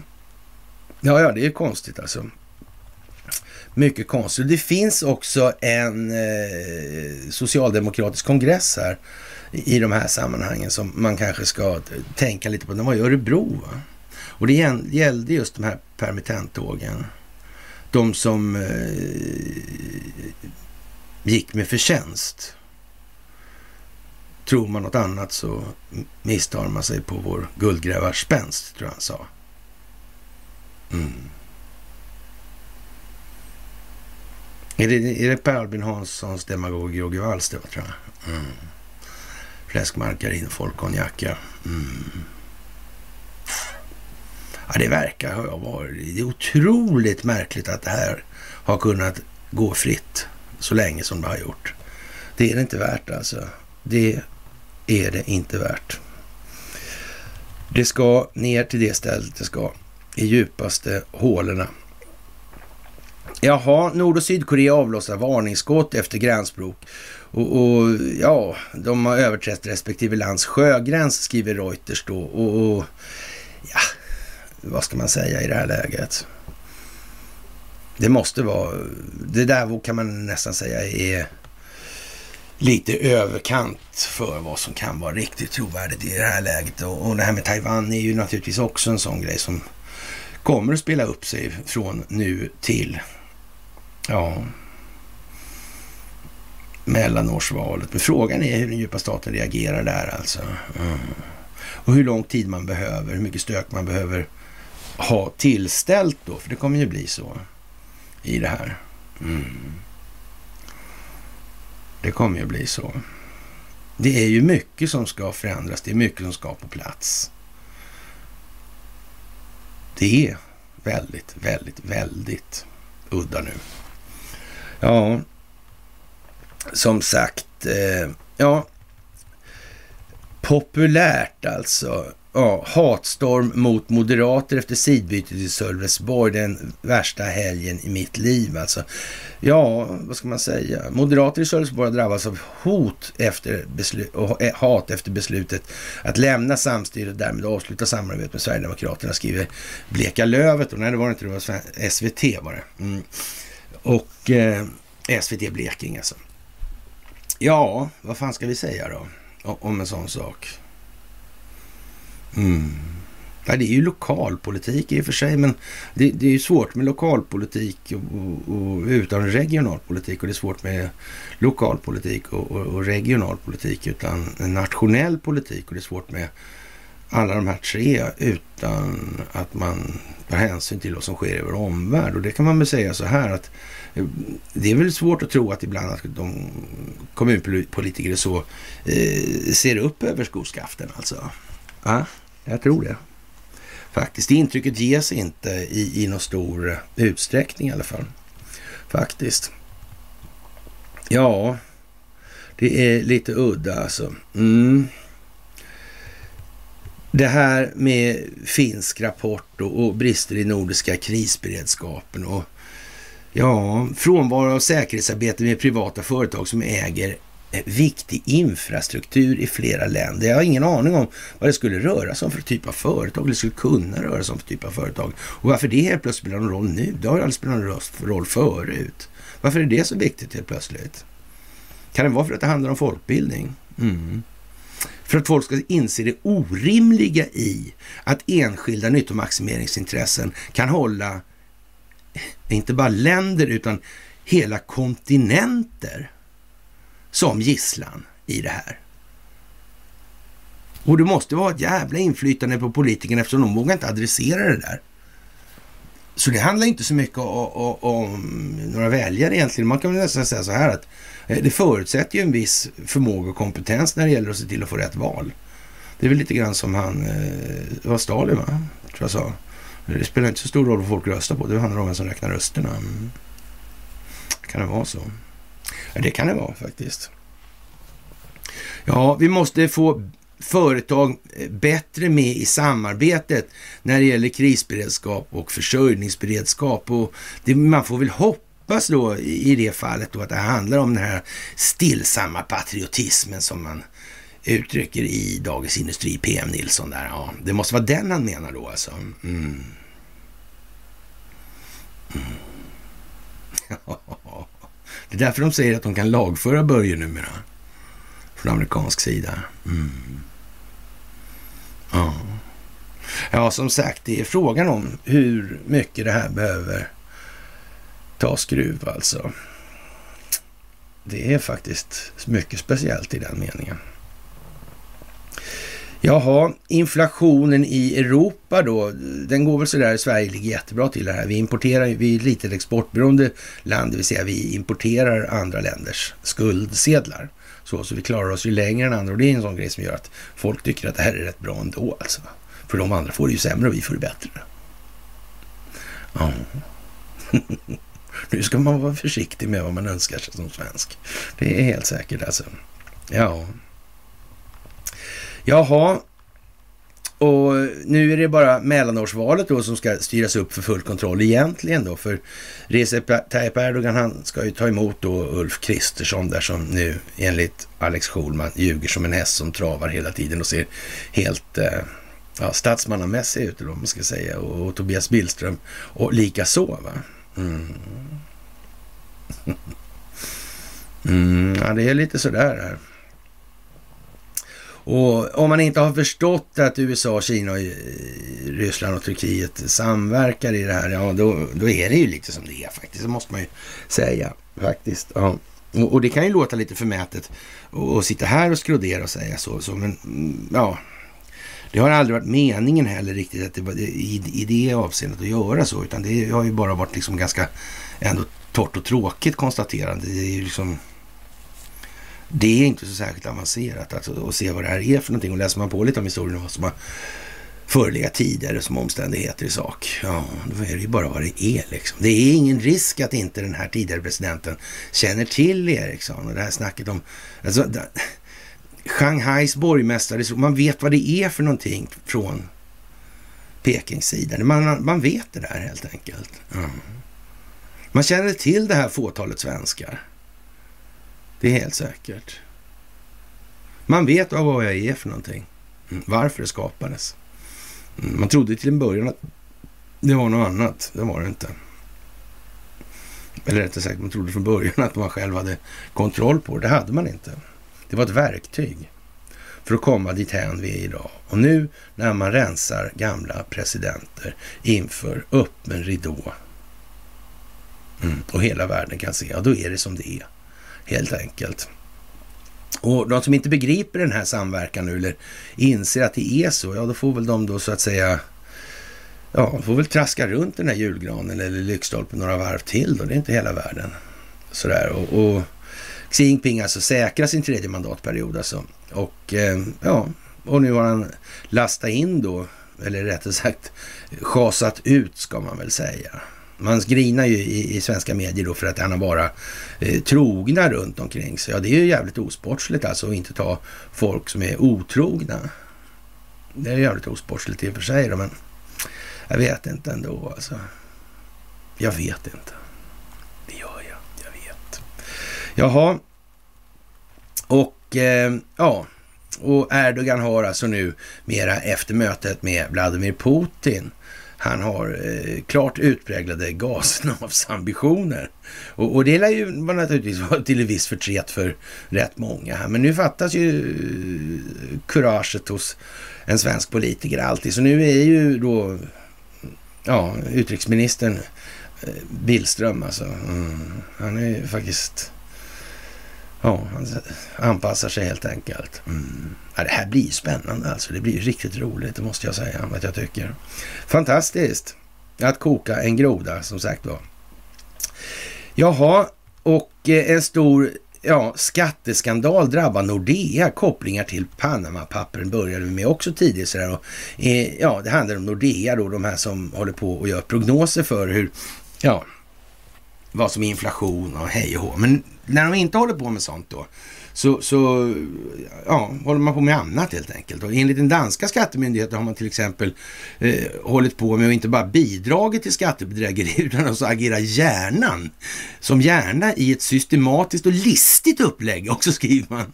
Som hade till syfte att miljoner kronor skulle undandras den danska statskassan. Skatteverket anser att Nordea ska hållas ansvarig för omfattande och systematisk skatteflykt och skriver i det danska extrabladet. Skatteverket kräver 146 miljoner kronor av danska staten eh, danska kronor av Nordea. 2016 presenterades Nordea, presenterade Nordea en utredning där den frikände sig själv då från att proaktivt ha bidragit till skattefusk i det här. Eh, vet inte, kanske Nordea finns med på ett hörn också när det gäller penningtvätten i Baltikum kanske. Ja, de fick, tycks ju finnas med i de här sammanhangen i alla fall när det gäller liksom att planera bort skatter och såna grejer. Det verkar de vara. Man kan, man kan väl säga att rent moraliskt ligger det väl inte diametralt i alla fall. Det ligger liksom lite i samma faras riktning eller så kan man säga. Jag tror det faktiskt. Mm, samma moraliska faras riktning kanske. Ja, som sagt, eh, ja, Utredningen genomfördes efter att det framkom att Nordea via sin filial i Luxemburg samarbetar med kontroversiella advokatfirman Mossack Fonseca i Panama. Panama-pappren alltså. Men de danska myndigheterna har en annan uppfattning än banken. Eh, ja, enligt den danska skattemyndigheten har banken inte bara bidragit till skattebedrägeri utan också agerat gärna i ett systematiskt och listigt upplägg alltså. Som endast hade till syfte att miljoner kronor skulle dras undan i skatt alltså. Och, och banken ja, borde ju faktiskt, eller ha varit medvetna om, eller borde ha känt till sitt syftet med varför man gjorde sådär. Det, det tycker de verkar jättekonstigt. Man gör sådär och så vet man inte varför man gör sådär. Nej, men man måste ju ha en förklaring. Varför gjorde ni sådär då? Vad var tanken med det? Varför gjorde ni på det här viset? Jag vet inte. Det, är konstigt. Eller det är inte så konstigt, men det är lite lattjo i alla fall. Och, och och därför kan man då anse, tycker Skattemyndigheten, att banken kan hållas ansvarig för det här. Skatteverkets krav på 146 miljoner danska kronor mot banken finns dock inte i de danska rättssalarna. Ja, enligt Extrabladets uppgifter beror det på att hemliga förhandlingar istället inleddes mellan Nordea och Skatteverket efter att banken presenterats stämnings, presenteras stämningsansökan i november förra året alltså. Och, och det här är ju lite konstigt alltså. Och, och, på så sätt har banken med huvudkontor i Helsingfors undvikit att hängas ut offentligt för sin roll i Panama-dokumentet, skriver Extrabladet. Och Enligt eh, Extrabladet har även Skatteverket lämnat över sin utredning till det som nu formellt kallas för NSK, alltså National Unit for Special Crime, för att den myndigheten ska utreda Nordeas filial i Luxemburg för skatteflykt. Jag vet inte, kan det vara så att de hittar annat där, när de ändå håller på? Mm. För nu kommer vi till ett problem alltså. Nu kommer vi till ett problem. Har de använt dollar, valuta, i det här? För då, då blir det ett problem. Mm. Hur kan det vara egentligen? ja... Men det här är inte koordinerat med det där med Swedbank och bonusen. och så. Nej, det är inte så. Det här kommer bara nu ändå alltså. Mm. Nej. Tänk SEB, de har ju fan ingenting med Investor att göra överhuvudtaget. Och ändå var de inblandade det sägs ingenting. Nähä. ja, ja, ja. Nu ser det ut som det gör helt enkelt, faktiskt. Ja, Eh, banken hotas alltså inte bara civilrättsligt krav från danska staten utan även eventuella straffrättsliga konsekvenser till en följd av polisanmälan alltså. Och man har ju lagt ner sin verksamhet i Luxemburg och bankexperten och seniora rådgivaren vid Ålborg universitet Lars Krull säger så här att eh, det Nordea anklagas för att det genom sitt agerande orsakade oss alla en förlust, det vill säga den danska statskassan. Skatteverket i Danmark menar att utan Nordea hade det här skatteundandraget aldrig skett eftersom det har varit drivande för att få det att hända och initierat att det skett, då, säger han. Nordea har sedan 2017 lagt ner verksamheten, bankverksamheten i Luxemburg och håller på att avveckla sin verksamhet där borta. Banken har i en kommentar sagt att man för en nära och konstruktiv dialog för att hitta en lösning på saken. Ja, jag vet inte vad man ska säga egentligen. Agerat hjärnan bakom, det är en bra beskrivning kanske. Och, och jag vet inte vad det länder till för slags heder. Mm, ohederlighet kanske. Mm, kanske det kanske. Mm. Det där är ju lite komiskt alltså det här med, med ja, alla byggfirmor och alla sådana här som fuskar då. Så här, mm, som alla småföretagare i princip gör. Mm. Men, men det är ju lite annorlunda alltså. Man får väl fatta liksom att det är en, en skock snickare liksom som snickrar ihop en massa pengar sådär. Det är ju liksom, det är ju någon form av produktiv verksamhet. Men det här andra. Och, och, och, om det liksom inte bär sig, då börjar man fiffla med löner och man gör det ena och det andra där. Och, mm. ja, girigheten kan ju ta naturligtvis sin tribut där också och moralen också. Det är inte så jag menar. Utan, men, men, men någonstans är det så här, det här andra liksom, att handla med pengar och sen sitta och gnälla över alla andras ohedlighet alltså. det går bara bort alltså. Det går så jävla bort. Det är, fan, det är helt vedervärdigt alltså. Men har man inte ens, kan man inte ens hålla käften ens alltså? Va? Det är konstigt ju. Ja, ja, ja, ja, ja. Jaha, och eh, ja, Kiev är ju lite stressade här och vi måste prata lite blågult också. Och, och det är klart att med, med eh, en sån som Zelensky i, i, sin gröna t-shirt i green room och såna här grejer och så. Det är klart att det, ja, scare events och false flags och smutsiga bomber kryper allt närmare här. Och vi, frågan är ju om vi får se något, något corner case här. Man hade ju då i eh, Ja, var det någonstans man hade... Vi kommer tillbaka till det förresten, det gör vi ja. Mm, det sades ju, var ju lite... Det var ju han, ju Webb va? Just det, George Webb. Han, var ju, han är alltid yvig och svajig. Han är inte, liksom, han är inte som Benjamin Fulford, men ja, sådär liksom. Ja, alltså, han är amerikan, så det går inte att säga så mycket. Och så, i den meningen. Nej, han, vet, han kan ingenting om Investor-historien och IG Farben och, och Ljungaverk eller ja, Eh, han har ingen aning om en enda norrman tror jag. Alltså. Det tror jag faktiskt inte. Den där Christian Birkeland hade ingen susning om. Inte Hauge heller. Nej, alltså, det är jättekonstigt sådär. Mm. Och, och ändå försöker han lägga det stora pusslet då. Det blir lite tokigt faktiskt. De här detaljerna verkar vara alldeles för viktiga för att strunta i helt enkelt. Mm. Eller alltså, annars hade inte detaljerna överhuvudtaget existerat. Så kan man ju säga också. Ja, och Kiev förnekar då Moskvas anklagelser om de här med smutsiga bomber, det vill säga man tar ett konventionellt vapen och stoppar i lite ja, skit i radioaktivitet alltså. Mm. By the way alltså, de enda två Iranbomberna som har sprängts, atomvapen alltså, mm, som har sprängts på planetens historia, det var Hiroshima och Nagasaki. Mm. Och hur vet man då att man inte hade preppat med aluminiumoxid? Och att det här var konventionella vapen, smutsiga vapen. Hur vet man det egentligen? Det var ju inte genom den här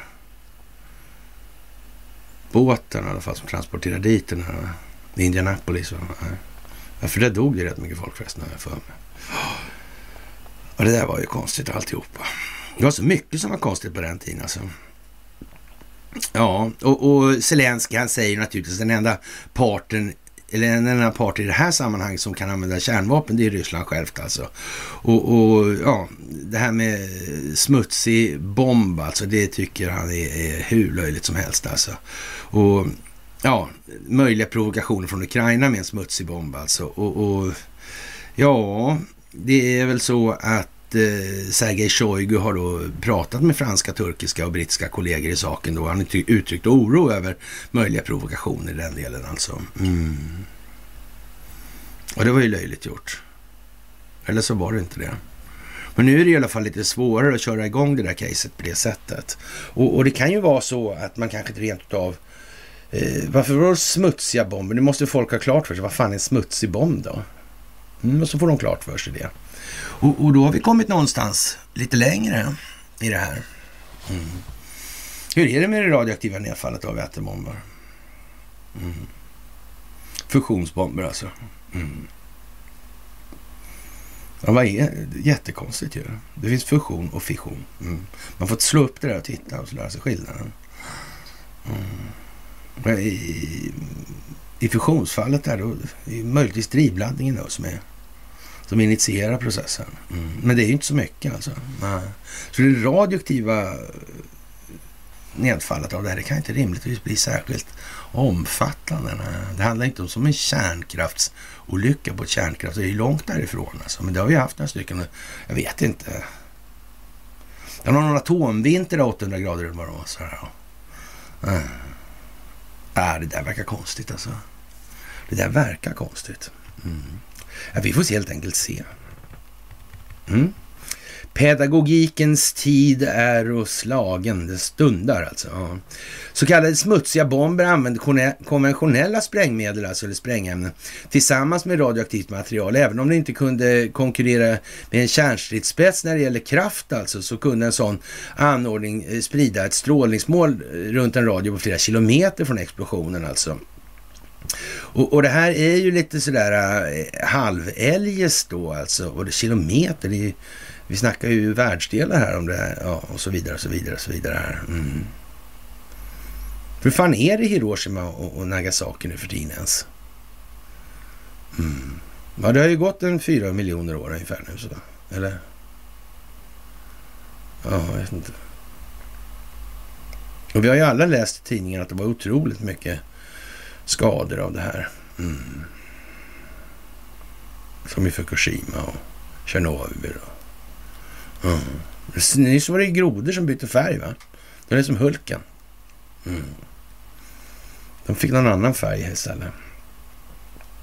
Ja, som sagt, eh, det här är ju lite halv eh, B helt enkelt.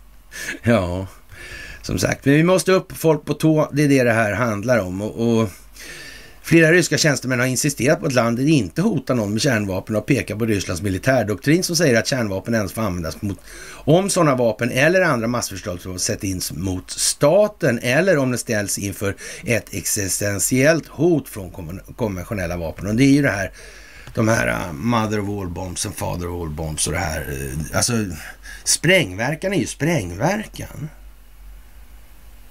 Det är ju någonting som är, alltså har du si och så mycket, har du 52 megaton som den här Little Boy hade då eller, och, och så har du en konventionell laddning, alltså termobarisk laddning, så, ja men vad gör det för skillnad? Ja, då, då kommer ju skillnaden bestå i den här mm, presumtiva radioaktiviteten, vad nu den egentligen innebär för någonting och vilken omfattning den ens existerar i den delen på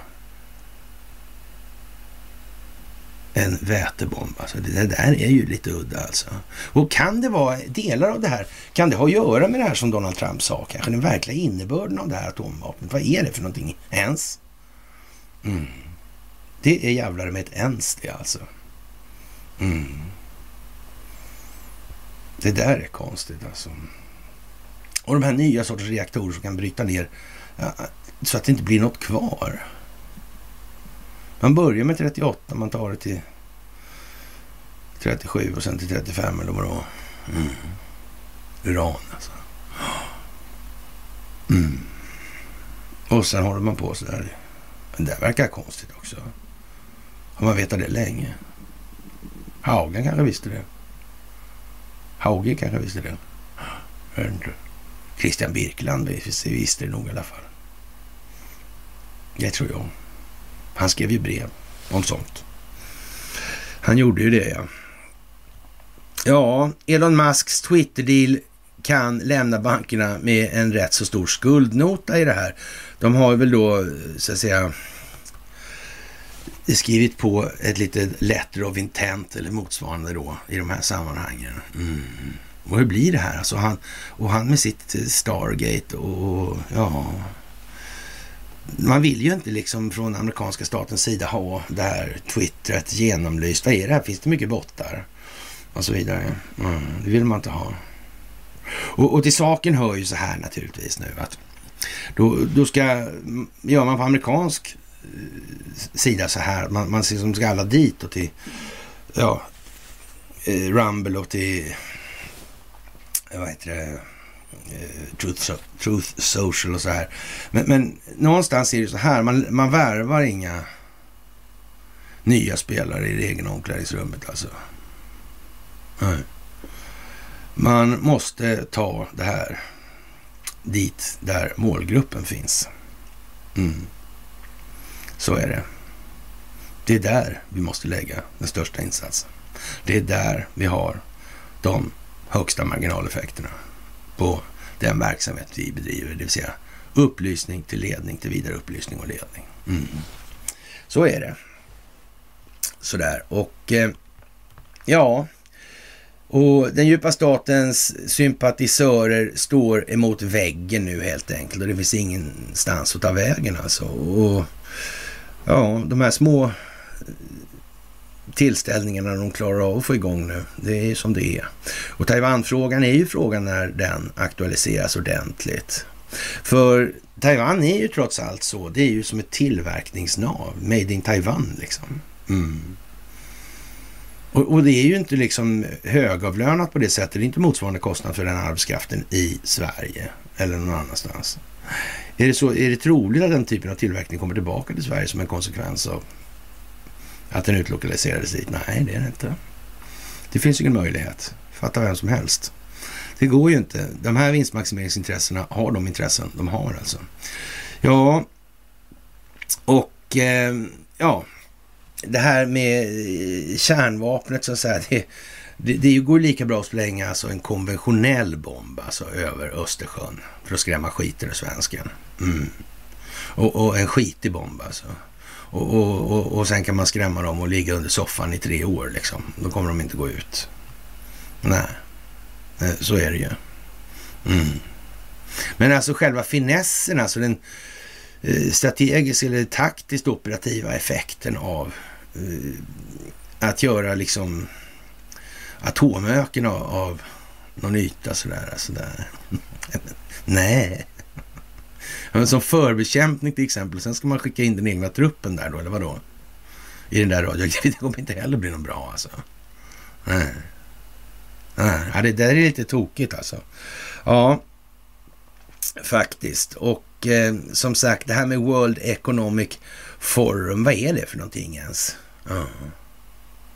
Vad är det för någonting? Det är någonting som bildades eh, inte så jävla tidigt va? Mm.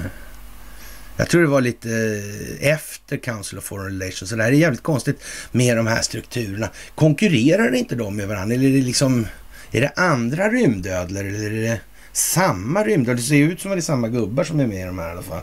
Så det verkar ju som det ena kom före på något vis. Det, eh, men det är inte överordnat för den sakens skull, utan det är underordnat då istället. På något vis. Och, och, det börjar ju bli dags nu att tänka till lite i de här sammanhangen. Uh, vi kan väl säga så här att CFR verkar ju ha varit så, så där trilaterala kommissioner lite grann också.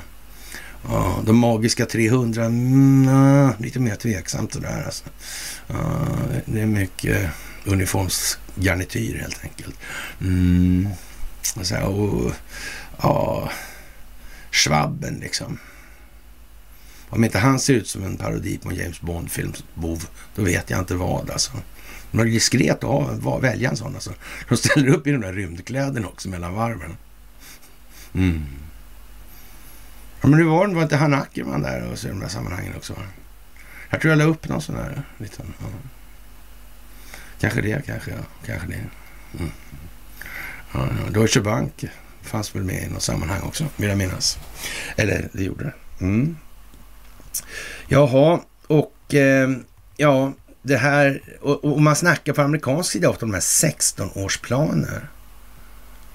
Ja, men lägg av alltså. Ja, det kan man göra då kanske. Det är kanske bra för amerikanerna att tro att det är 16 år, då behöver vi bara planera i 20 liksom. Då ligger vi fyra före där. Mm. Men 16 år alltså, det, tyvärr så tror jag inte att det är så kort. Det är nog lite längre. Mm. Och, och målsättningarna är ju inte det som World Economic Forum. Nämen, pilutta. Det är inte så.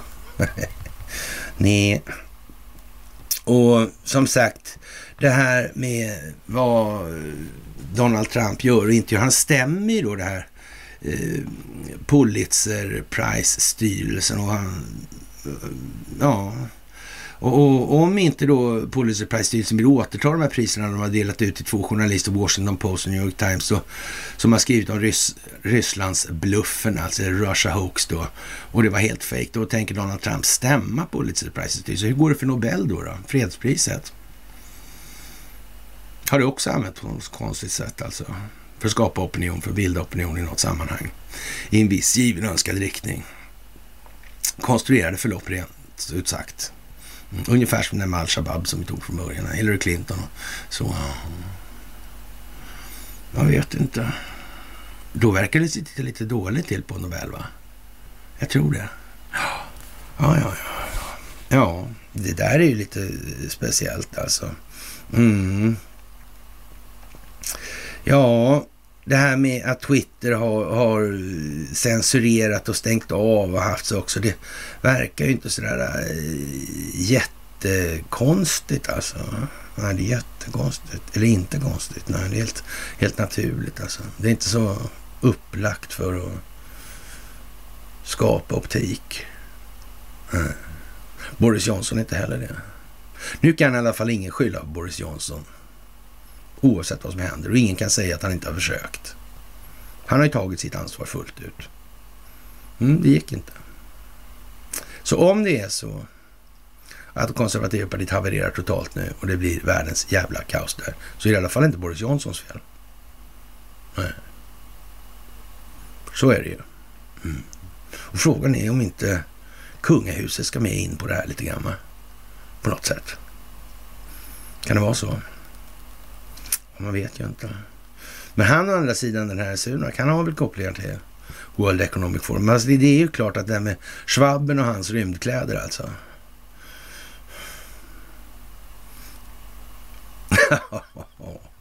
ja, men det är ju så alltså. Faktiskt. Mm. Och som sagt, eh, Rishi Sunak, är, ja, det var väl något konstigt där med hans Charles också, hörde jag cirkulera uppgifter om. Alltså.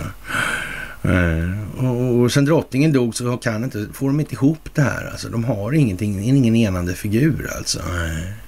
vad kan det bli av det här? Kanske det här monarkin är Jag vet inte. Å andra sidan vill ju inte ha den kvar i alla fall. Men det, det är ju tyvärr ingenting som... Du kan inte gå av. Boris har gjort vad han har kunnat liksom. Mm. Sådär. Mm. Ja, man vet ju inte hur de har planerat det där. Men han säger ju det, Donald Trump, att han vet att Boris eh, vet, vet hur man... Han vet att Boris vet a, a, a, hur man spelar för att vinna alltså. Ja. Och som sagt, eh, Taiwan är den djupa statens tekniska stat, eller produktionsmässiga produktionsmässigt stora enheten i det här då. då. Eller i alla fall en, en stor enhet. Kina kan man nog inte räkna med att kunna använda i den mening man har använt den i gängse bemärkelse. Alltså. Eh, så särskilt länge till, det tror inte jag. Eh, som sagt. Jaha, och vad ska vi säga mer då, då? Frankrike protesterar och människor skriker alltså där att låt oss gå ut ur EU och, och låt oss lämna NATO. Har de blivit helt galna? Har de lyssnat för mycket på mys liksom? Vad är det för några fasoner alltså? Mm. Och Rivlin och Netanyahu har fått idéer om att sitta och prata historia och det är jättekonstiga grejer alltså. Jag aldrig trodde att de skulle prata om. Eh, men jag trodde ju aldrig sedan att jag skulle hålla med Netanyahu heller, så det är bra med det. Så, mm, men jag, en gång var jag säker på att jag skulle hålla med direkt. Han sa att någonting om att eh, Israel aldrig varit en demokrati, aldrig någonting överhuvudtaget. Det har alltid varit djupa staten som bestämt det. Mm, jag vet inte. Ja, fan vad konstigt alltså. Ja, och vad ska vi säga, eh, försteministern i Alberta, Kanada, säger att de hälsoproblem som Alberta uppvisar beror på att Alberta tidigare skrev avtal med eh, World Economic Forum. Alltså, vad, vad ska vi ha med det där World Economic Forum att göra? Det måste upphöra alltihopa det där bara. Och så, det verkar ju konstigt alltså alltihopa. Och, och ja, verkligen märkligt alltså. Och det här med att kritisk rasteori och sånt här alltså. Alla de här polariseringsgrejerna verkar, de där som Carl Bildt tycker att FN ska hålla på med och tycker det är bra liksom och sådär. Mm. Verkar jävligt konstigt. Mm. Ja, det är ju en massa eh, ja, saker som händer och en del saker är lite mer givna vad de innebär egentligen i sin kontextuella mening och andra är inte lika självklara. Men det är ju hela tiden det där. Det är olika för olika. Och därför finns det ingen sån här riktig enkel ja, schablonlösning. Det är ju bara så. Och vi har som sagt grävt djupt i jordskorpan i det här landet. Mm. Det får ju de här brittiska ingenjörstrupperna att framstå som jag vet inte. Så när Donald Trump stämmer Pulitzer då skakar Nobelpriset och Sverige i sina grundvalar. Mm. Undrar om han tänker lägga till någonting mer? Kanske det som Hans Holmér sa. Den svenska befolkningen får veta vad som egentligen hände så kommer Sverige att skaka i sina grundval. Tror tror det kan ligga det någonting sånt i tiden kanske. Ja, det är möjligt alltså. Det är möjligt. Och det går alltså inte att ena partiet och Boris Johnson drar sig ur och det har väl varit meningen hela tiden då kan man tänka sig. Och sen så får vi se hur, mycket, hur lång tid det tar och vad det blir kvar av, så att säga, den konservativa delen i det här då. Mm. Och den konservativa delen har den lilla nackdelen att den är ju rätt så hårt kopplad då till överhus och kungahus och sådana grejer. Och det, det är ju ingen riktigt lyckad grej, så det är lite otidsenligt kort sagt. Mm. Det är ju så. Faktiskt. Och Donald Trump han säger ju då att eh, om man ska göra landet så eh, America Great Again så blir han nog tvungen att ställa upp 24. Mm. Mm. Ja, men som sagt. Är det valfusk så är det valfusk och, och då kanske inte 24 är just det, så att säga, det datum som är mest aktuellt då sådär. Jaha, och eh, den enda som eh, verkar ha större verkar vara större än hyckleriet i medias beredvillighet och förmedlare. En av de många konsekvenserna av Putins brott och hans olagliga, oprovocerade invasion av Ukraina är att han får mycket större NATO-närvaro på tröskeln till Ryssland. Ryssland får alltså skylla sig själva för att de inte var nöjda med att passivt oberoende observera då hur ja, den närvarande mål, närvaron målmedvetet slingrar sig mot och till tröskeln sedan 91 alltså, när muren föll alltså. Och ja, det ska alltid till en välavlönad NATO-diplomat för att beskriva verkligheten på det viset. Och eh, ja, varför finns ens NATO kvar om vad, vad, vad, vad har man Atlantpakt för och, och om Warszawapakten är borta? Och terrorbalansen. Vad var det han sa liksom om... Hade man behövt uppfinna Ja, just det. Det var något sånt där konstigt, ja. Med terror... För, ja... Just det, terrorbalansen, ja. Mutual short destruction och så vidare. Ja, det går ju inte om det inte är två, alltså. Om det ska dansas. Så är det ju, alltså. Ja. Det där var... Mm. Ja, det är ju liksom eh, som det är med, med det här. Och, och många människor... Eh, ja... Vad ska man eh, säga? Alltså, fan vad det sitter. Det är ju så. Och, och näbbar och klor alltså. Mm. Och det är som sagt, det är... Vi är ju nere på individnivå hur lätt som helst. Alltså så, det går inte ens att eh, få i närheten av varandra liknande förklaringsmodeller längre alltså. Det gör inte det alltså. Nej. Det är speciellt alltså. Det är speciellt. Får man säga. Och när den här gamle kinesen alltså som leddes ut från partikongressen under avslutningen. Han som satt jämte Xi Jinping alltså. Han har ju varit här i Sverige och ja, Hu Jintao och, och ja,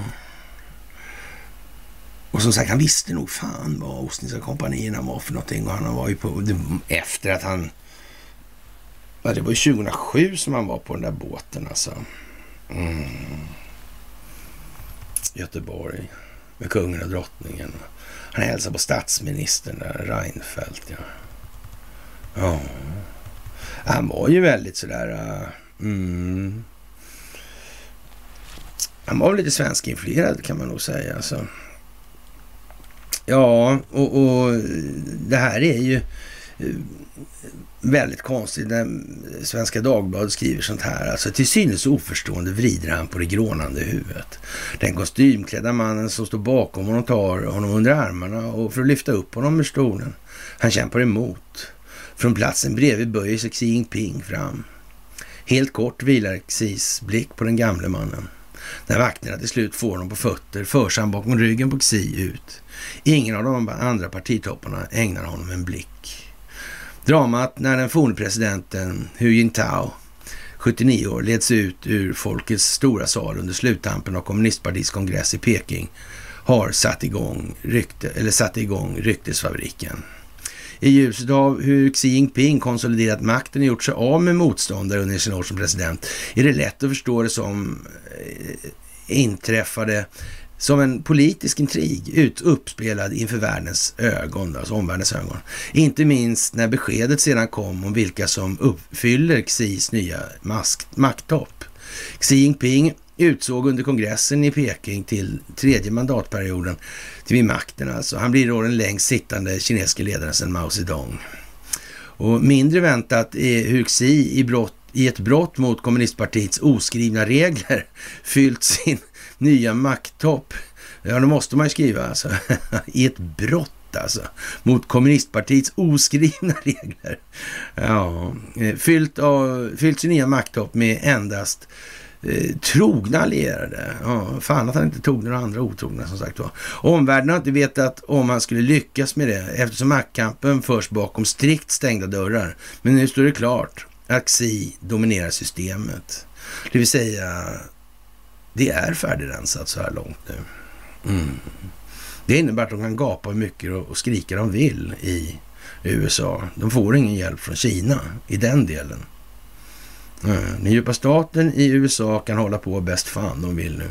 Det kommer inte att hjälpa och stalltipset är väl ungefär att eh, det är väl färdigmobiliserat nu då kanske i ganska stor, eller redan fått vara tillräcklig omfattning för att inte det ska vara något läge att skrika på Ryssland heller. Vad gäller Recep Tayyip Erdogan så verkar han då numera ha helt andra idéer om hur tillvaron ska bedrivas. Mm. Sådär kanske. Det kan ju vara så i alla fall.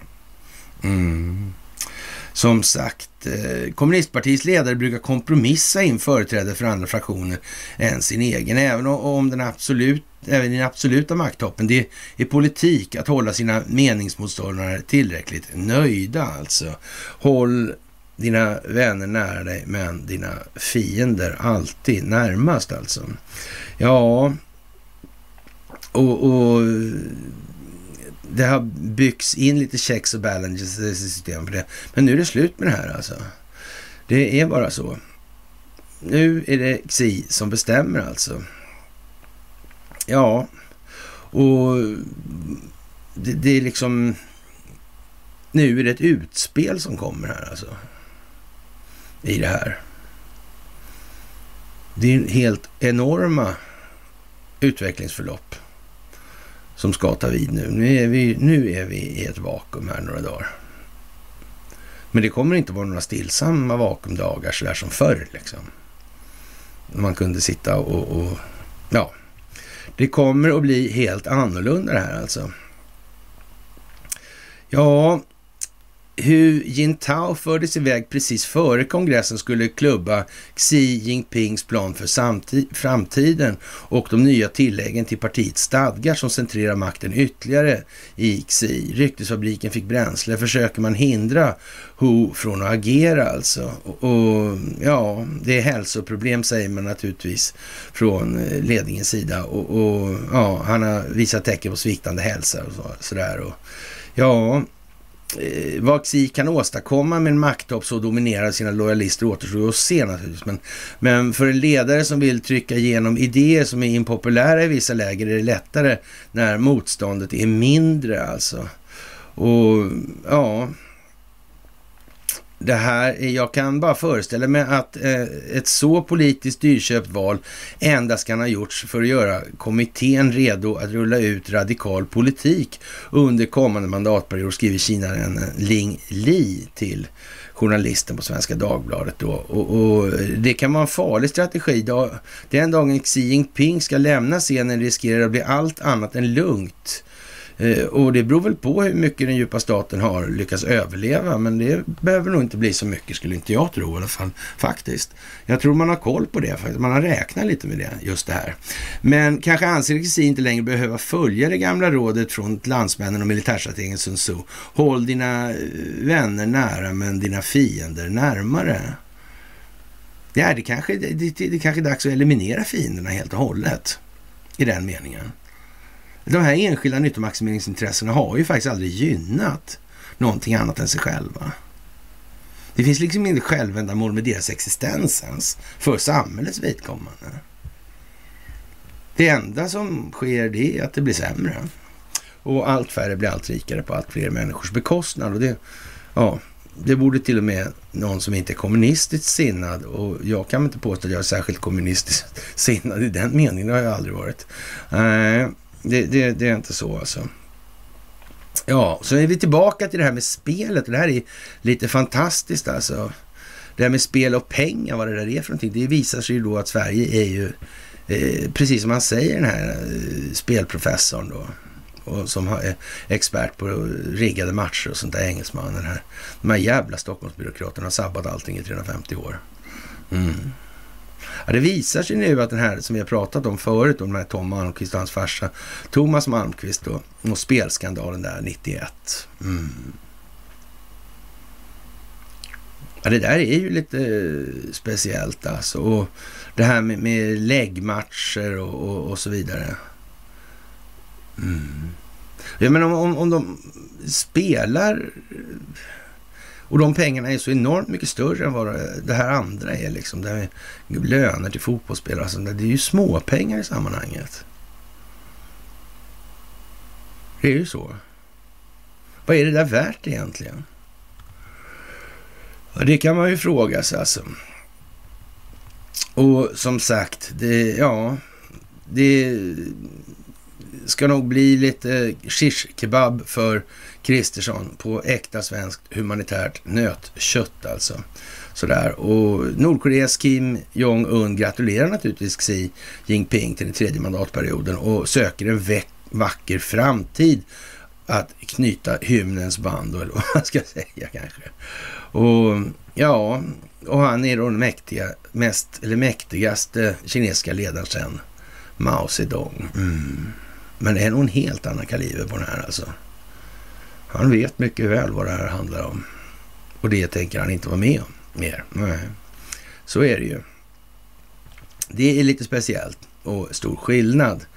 Och ja, vi ja, anser att anklagelserna om att Ryssland beskjuter Ukrainas civila, civila infrastruktur som ytterst hycklande tycker man då från Maria Sakarovas sida och ryska utrikesdepartementet, eller Kremls talskvinna är hon väl egentligen. Va?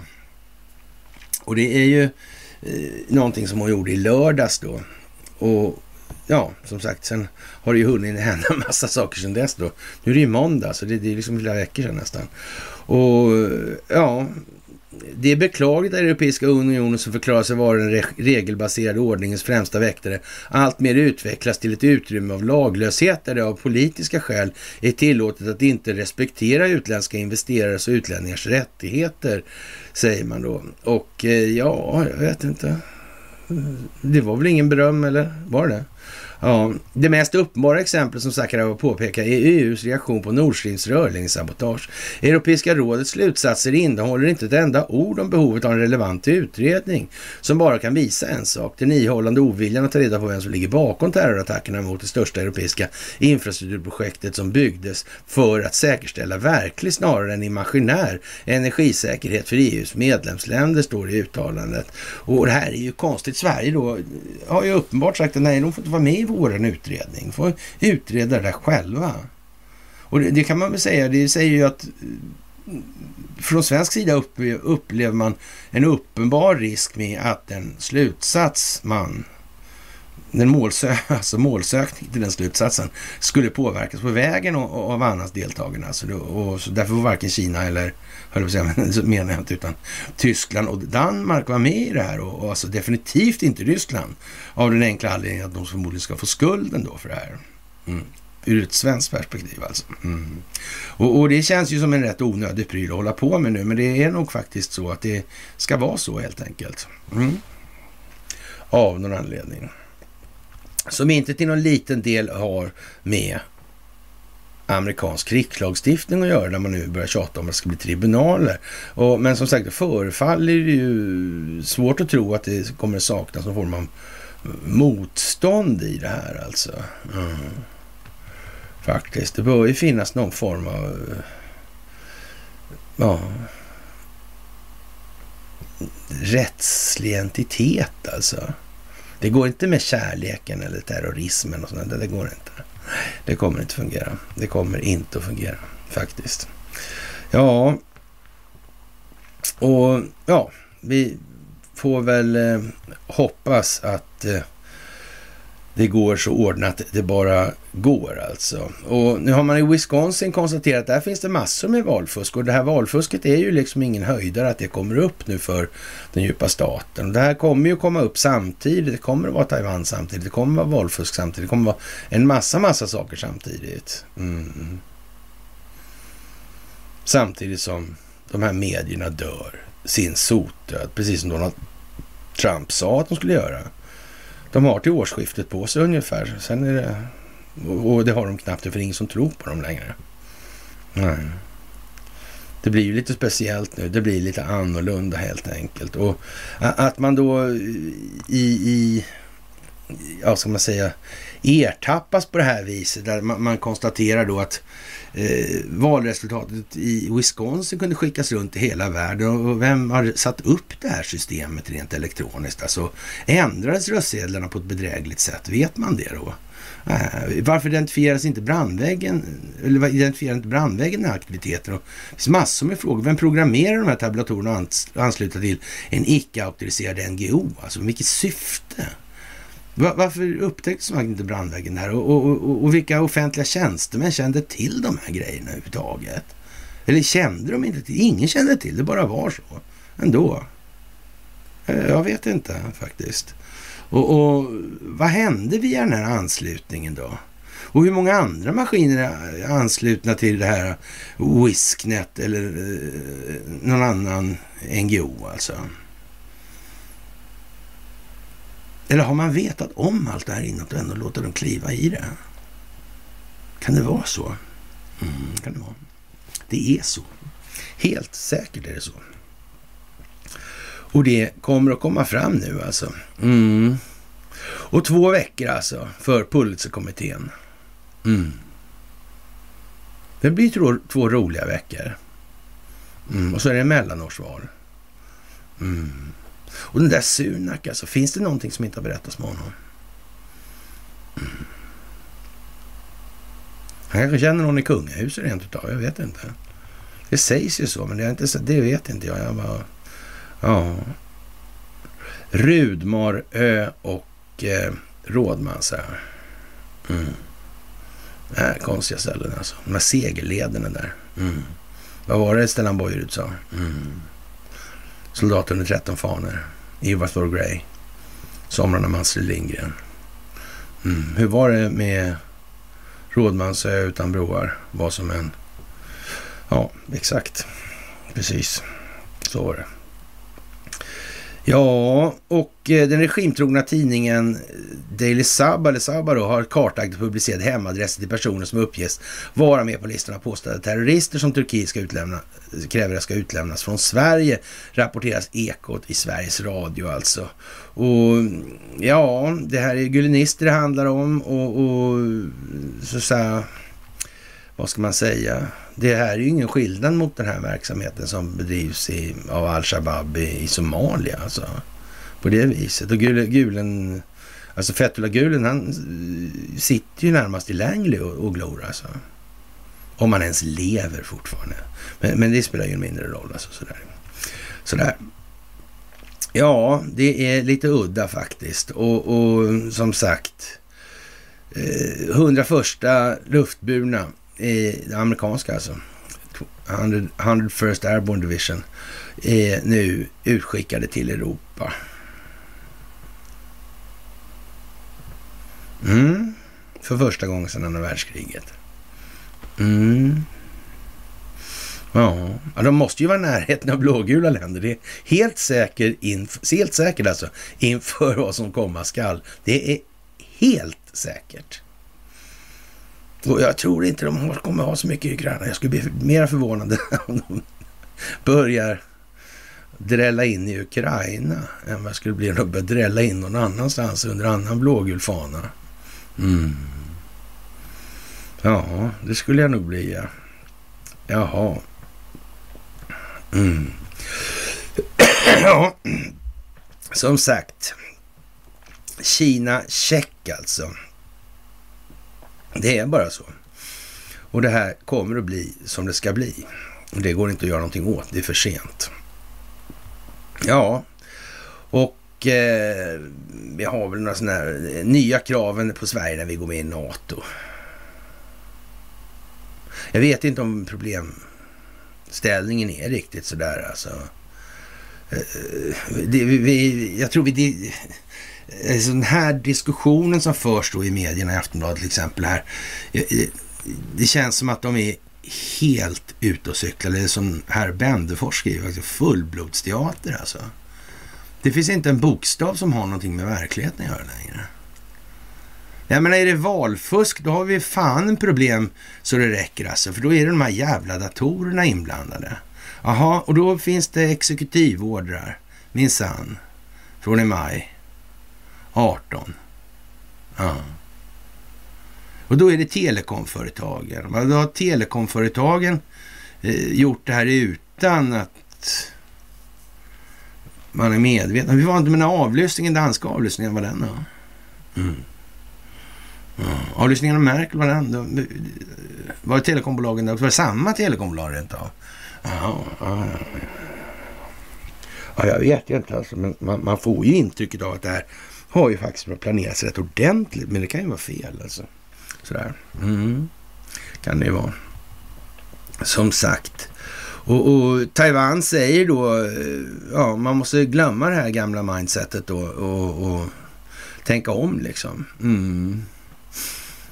Ja, jag vet inte. Det här med taiwanesisk självständighet. Ja. Kan det vara så där lite grann som tsaren höll på där innan Sykes-Picot och det här? Ja. När Frankrike vill ha härska genom södring i Mellanöstern. Kan det vara så? Ja, det vet man ju inte sådär helt säkert, men, men jag tror inte man ska släppa det liksom helt sådär. Och, ja. Och, och, företag som är misstänkt för att muta IS har alltså hand om det centrala nervsystemet i vårt land och massa andra länder. Alltså. Ja, det låter jävligt stabilt, ja. Så är det. Ja, har man tagit nord, säga, men, menar notin i båten så får man i, ran, i Ronilander såklart, han börjar ju trots allt som socialdemokrat. Ja, ja, precis alltså. Mm. Ja, vi får väl se som sagt där vad det blir. Ja, Ericssons nedskärningar gör att folk är besvikna på företaget alltså. Ja. Avslöjande av IS-mutor och fortsatt Rysslandsexport har skakat om Ericsson. Jag tror fan det. Det tror fan det.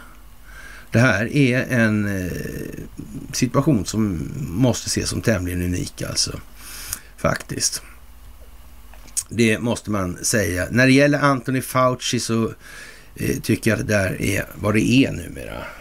Ja. Ökad efterfrågan följs av prishöjningar. Varför är det ett axiom för? Det kan man fundera på faktiskt. Det är för att man kan i så fall. Annars är det ingenting. Mm. Så. Ja, och eh, jag vet inte. Det är liksom ingen, finns inga vänliga sätt att tala om för folk det här snart på. Och som sagt, det börjar ju bli ett par dygn sedan. Alltså. Det är två dagar sedan den här historien var i alla fall vart upplagd där. Ja, som sagt. Och Pirre Wallenberg och, och så, Peter Wallenberg. Ja, det där är speciellt som fan nu alltså.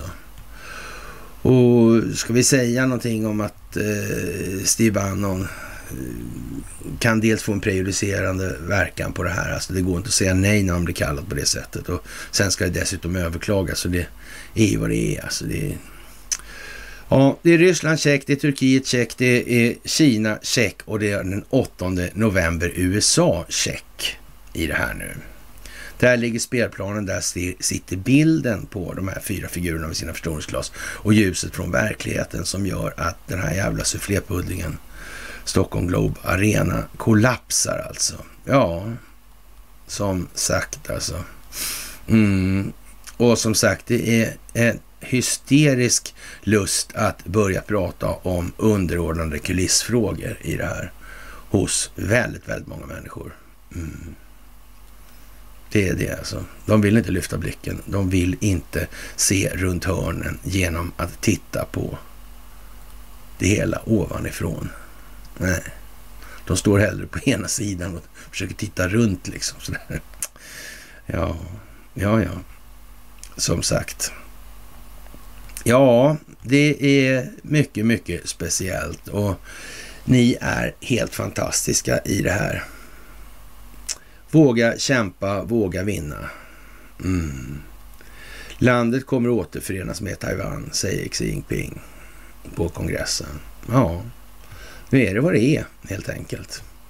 Och eh, ja, det är många i Sverige som tycker att det här är rätt tråkigt tror jag. Och, och, det är som sagt, det kan man väl säga för deras del, men, men, men i, i, det stora hela så är det någonting väldigt positivt som händer nu. Mm. Det är rätt allvarligt här tror jag förresten. Ja. ja man får göra lite som Stensson där. Man får ta in en docka och snacka med. Nej, jag ska faktiskt ta in Conny och snacka med lite grann här. Vi ska köra lite över, ungefär som Duran tänkte jag skulle köra några gånger sådär faktiskt. Så slipper ni höra bara mig som sitter, för det är ju liksom, ja, ni vet vad det här ska. Ni är redan säkra på det också dessutom. Och vi kan fylla i den här paletten med, med eh, nyanser till fan kommer och hämtar oss med det. Det rullar lite lutar som sagt och ni är fantastiska. Det tycker jag är det genomgående temat i alla fall i allt det här. Och eh, därför behöver Vladimir Putin svenska fartkameror och anledningen är väl då att de här svenska fartkamerorna håller på med en hel del andra hus som till exempel biometrisk data, transmittering och sådär. Och, ja, det, det är sådär alltså. Mm. Det kan ju bli spännande det här alltså. Det är väldigt mycket då. Och man kan väl säga så här att i, i, i den omfattning det redan pågår den typen av övergrepp Ska man då utöka befogenheterna när de inte ens kan identifiera dem bete sig ordentligt? Det verkar jättekonstigt alltså. Det verkar att inte finnas tillräckligt ledarskap på något jävla enda ställe i det här landet. Det naturliga ledarskapet, det verkar urtvättat på något vis. Alltså. Mm. Med det så säger vi väl tack för idag tycker jag och eh, så händer inget annat så kör vi på onsdag igen naturligtvis. Och som alltid det största tack till er för att ni är med och gör det här tillsammans. Ni är jordens bästa internetpublik. All time high. Trevlig måndagkväll så hörs vi senast på onsdag.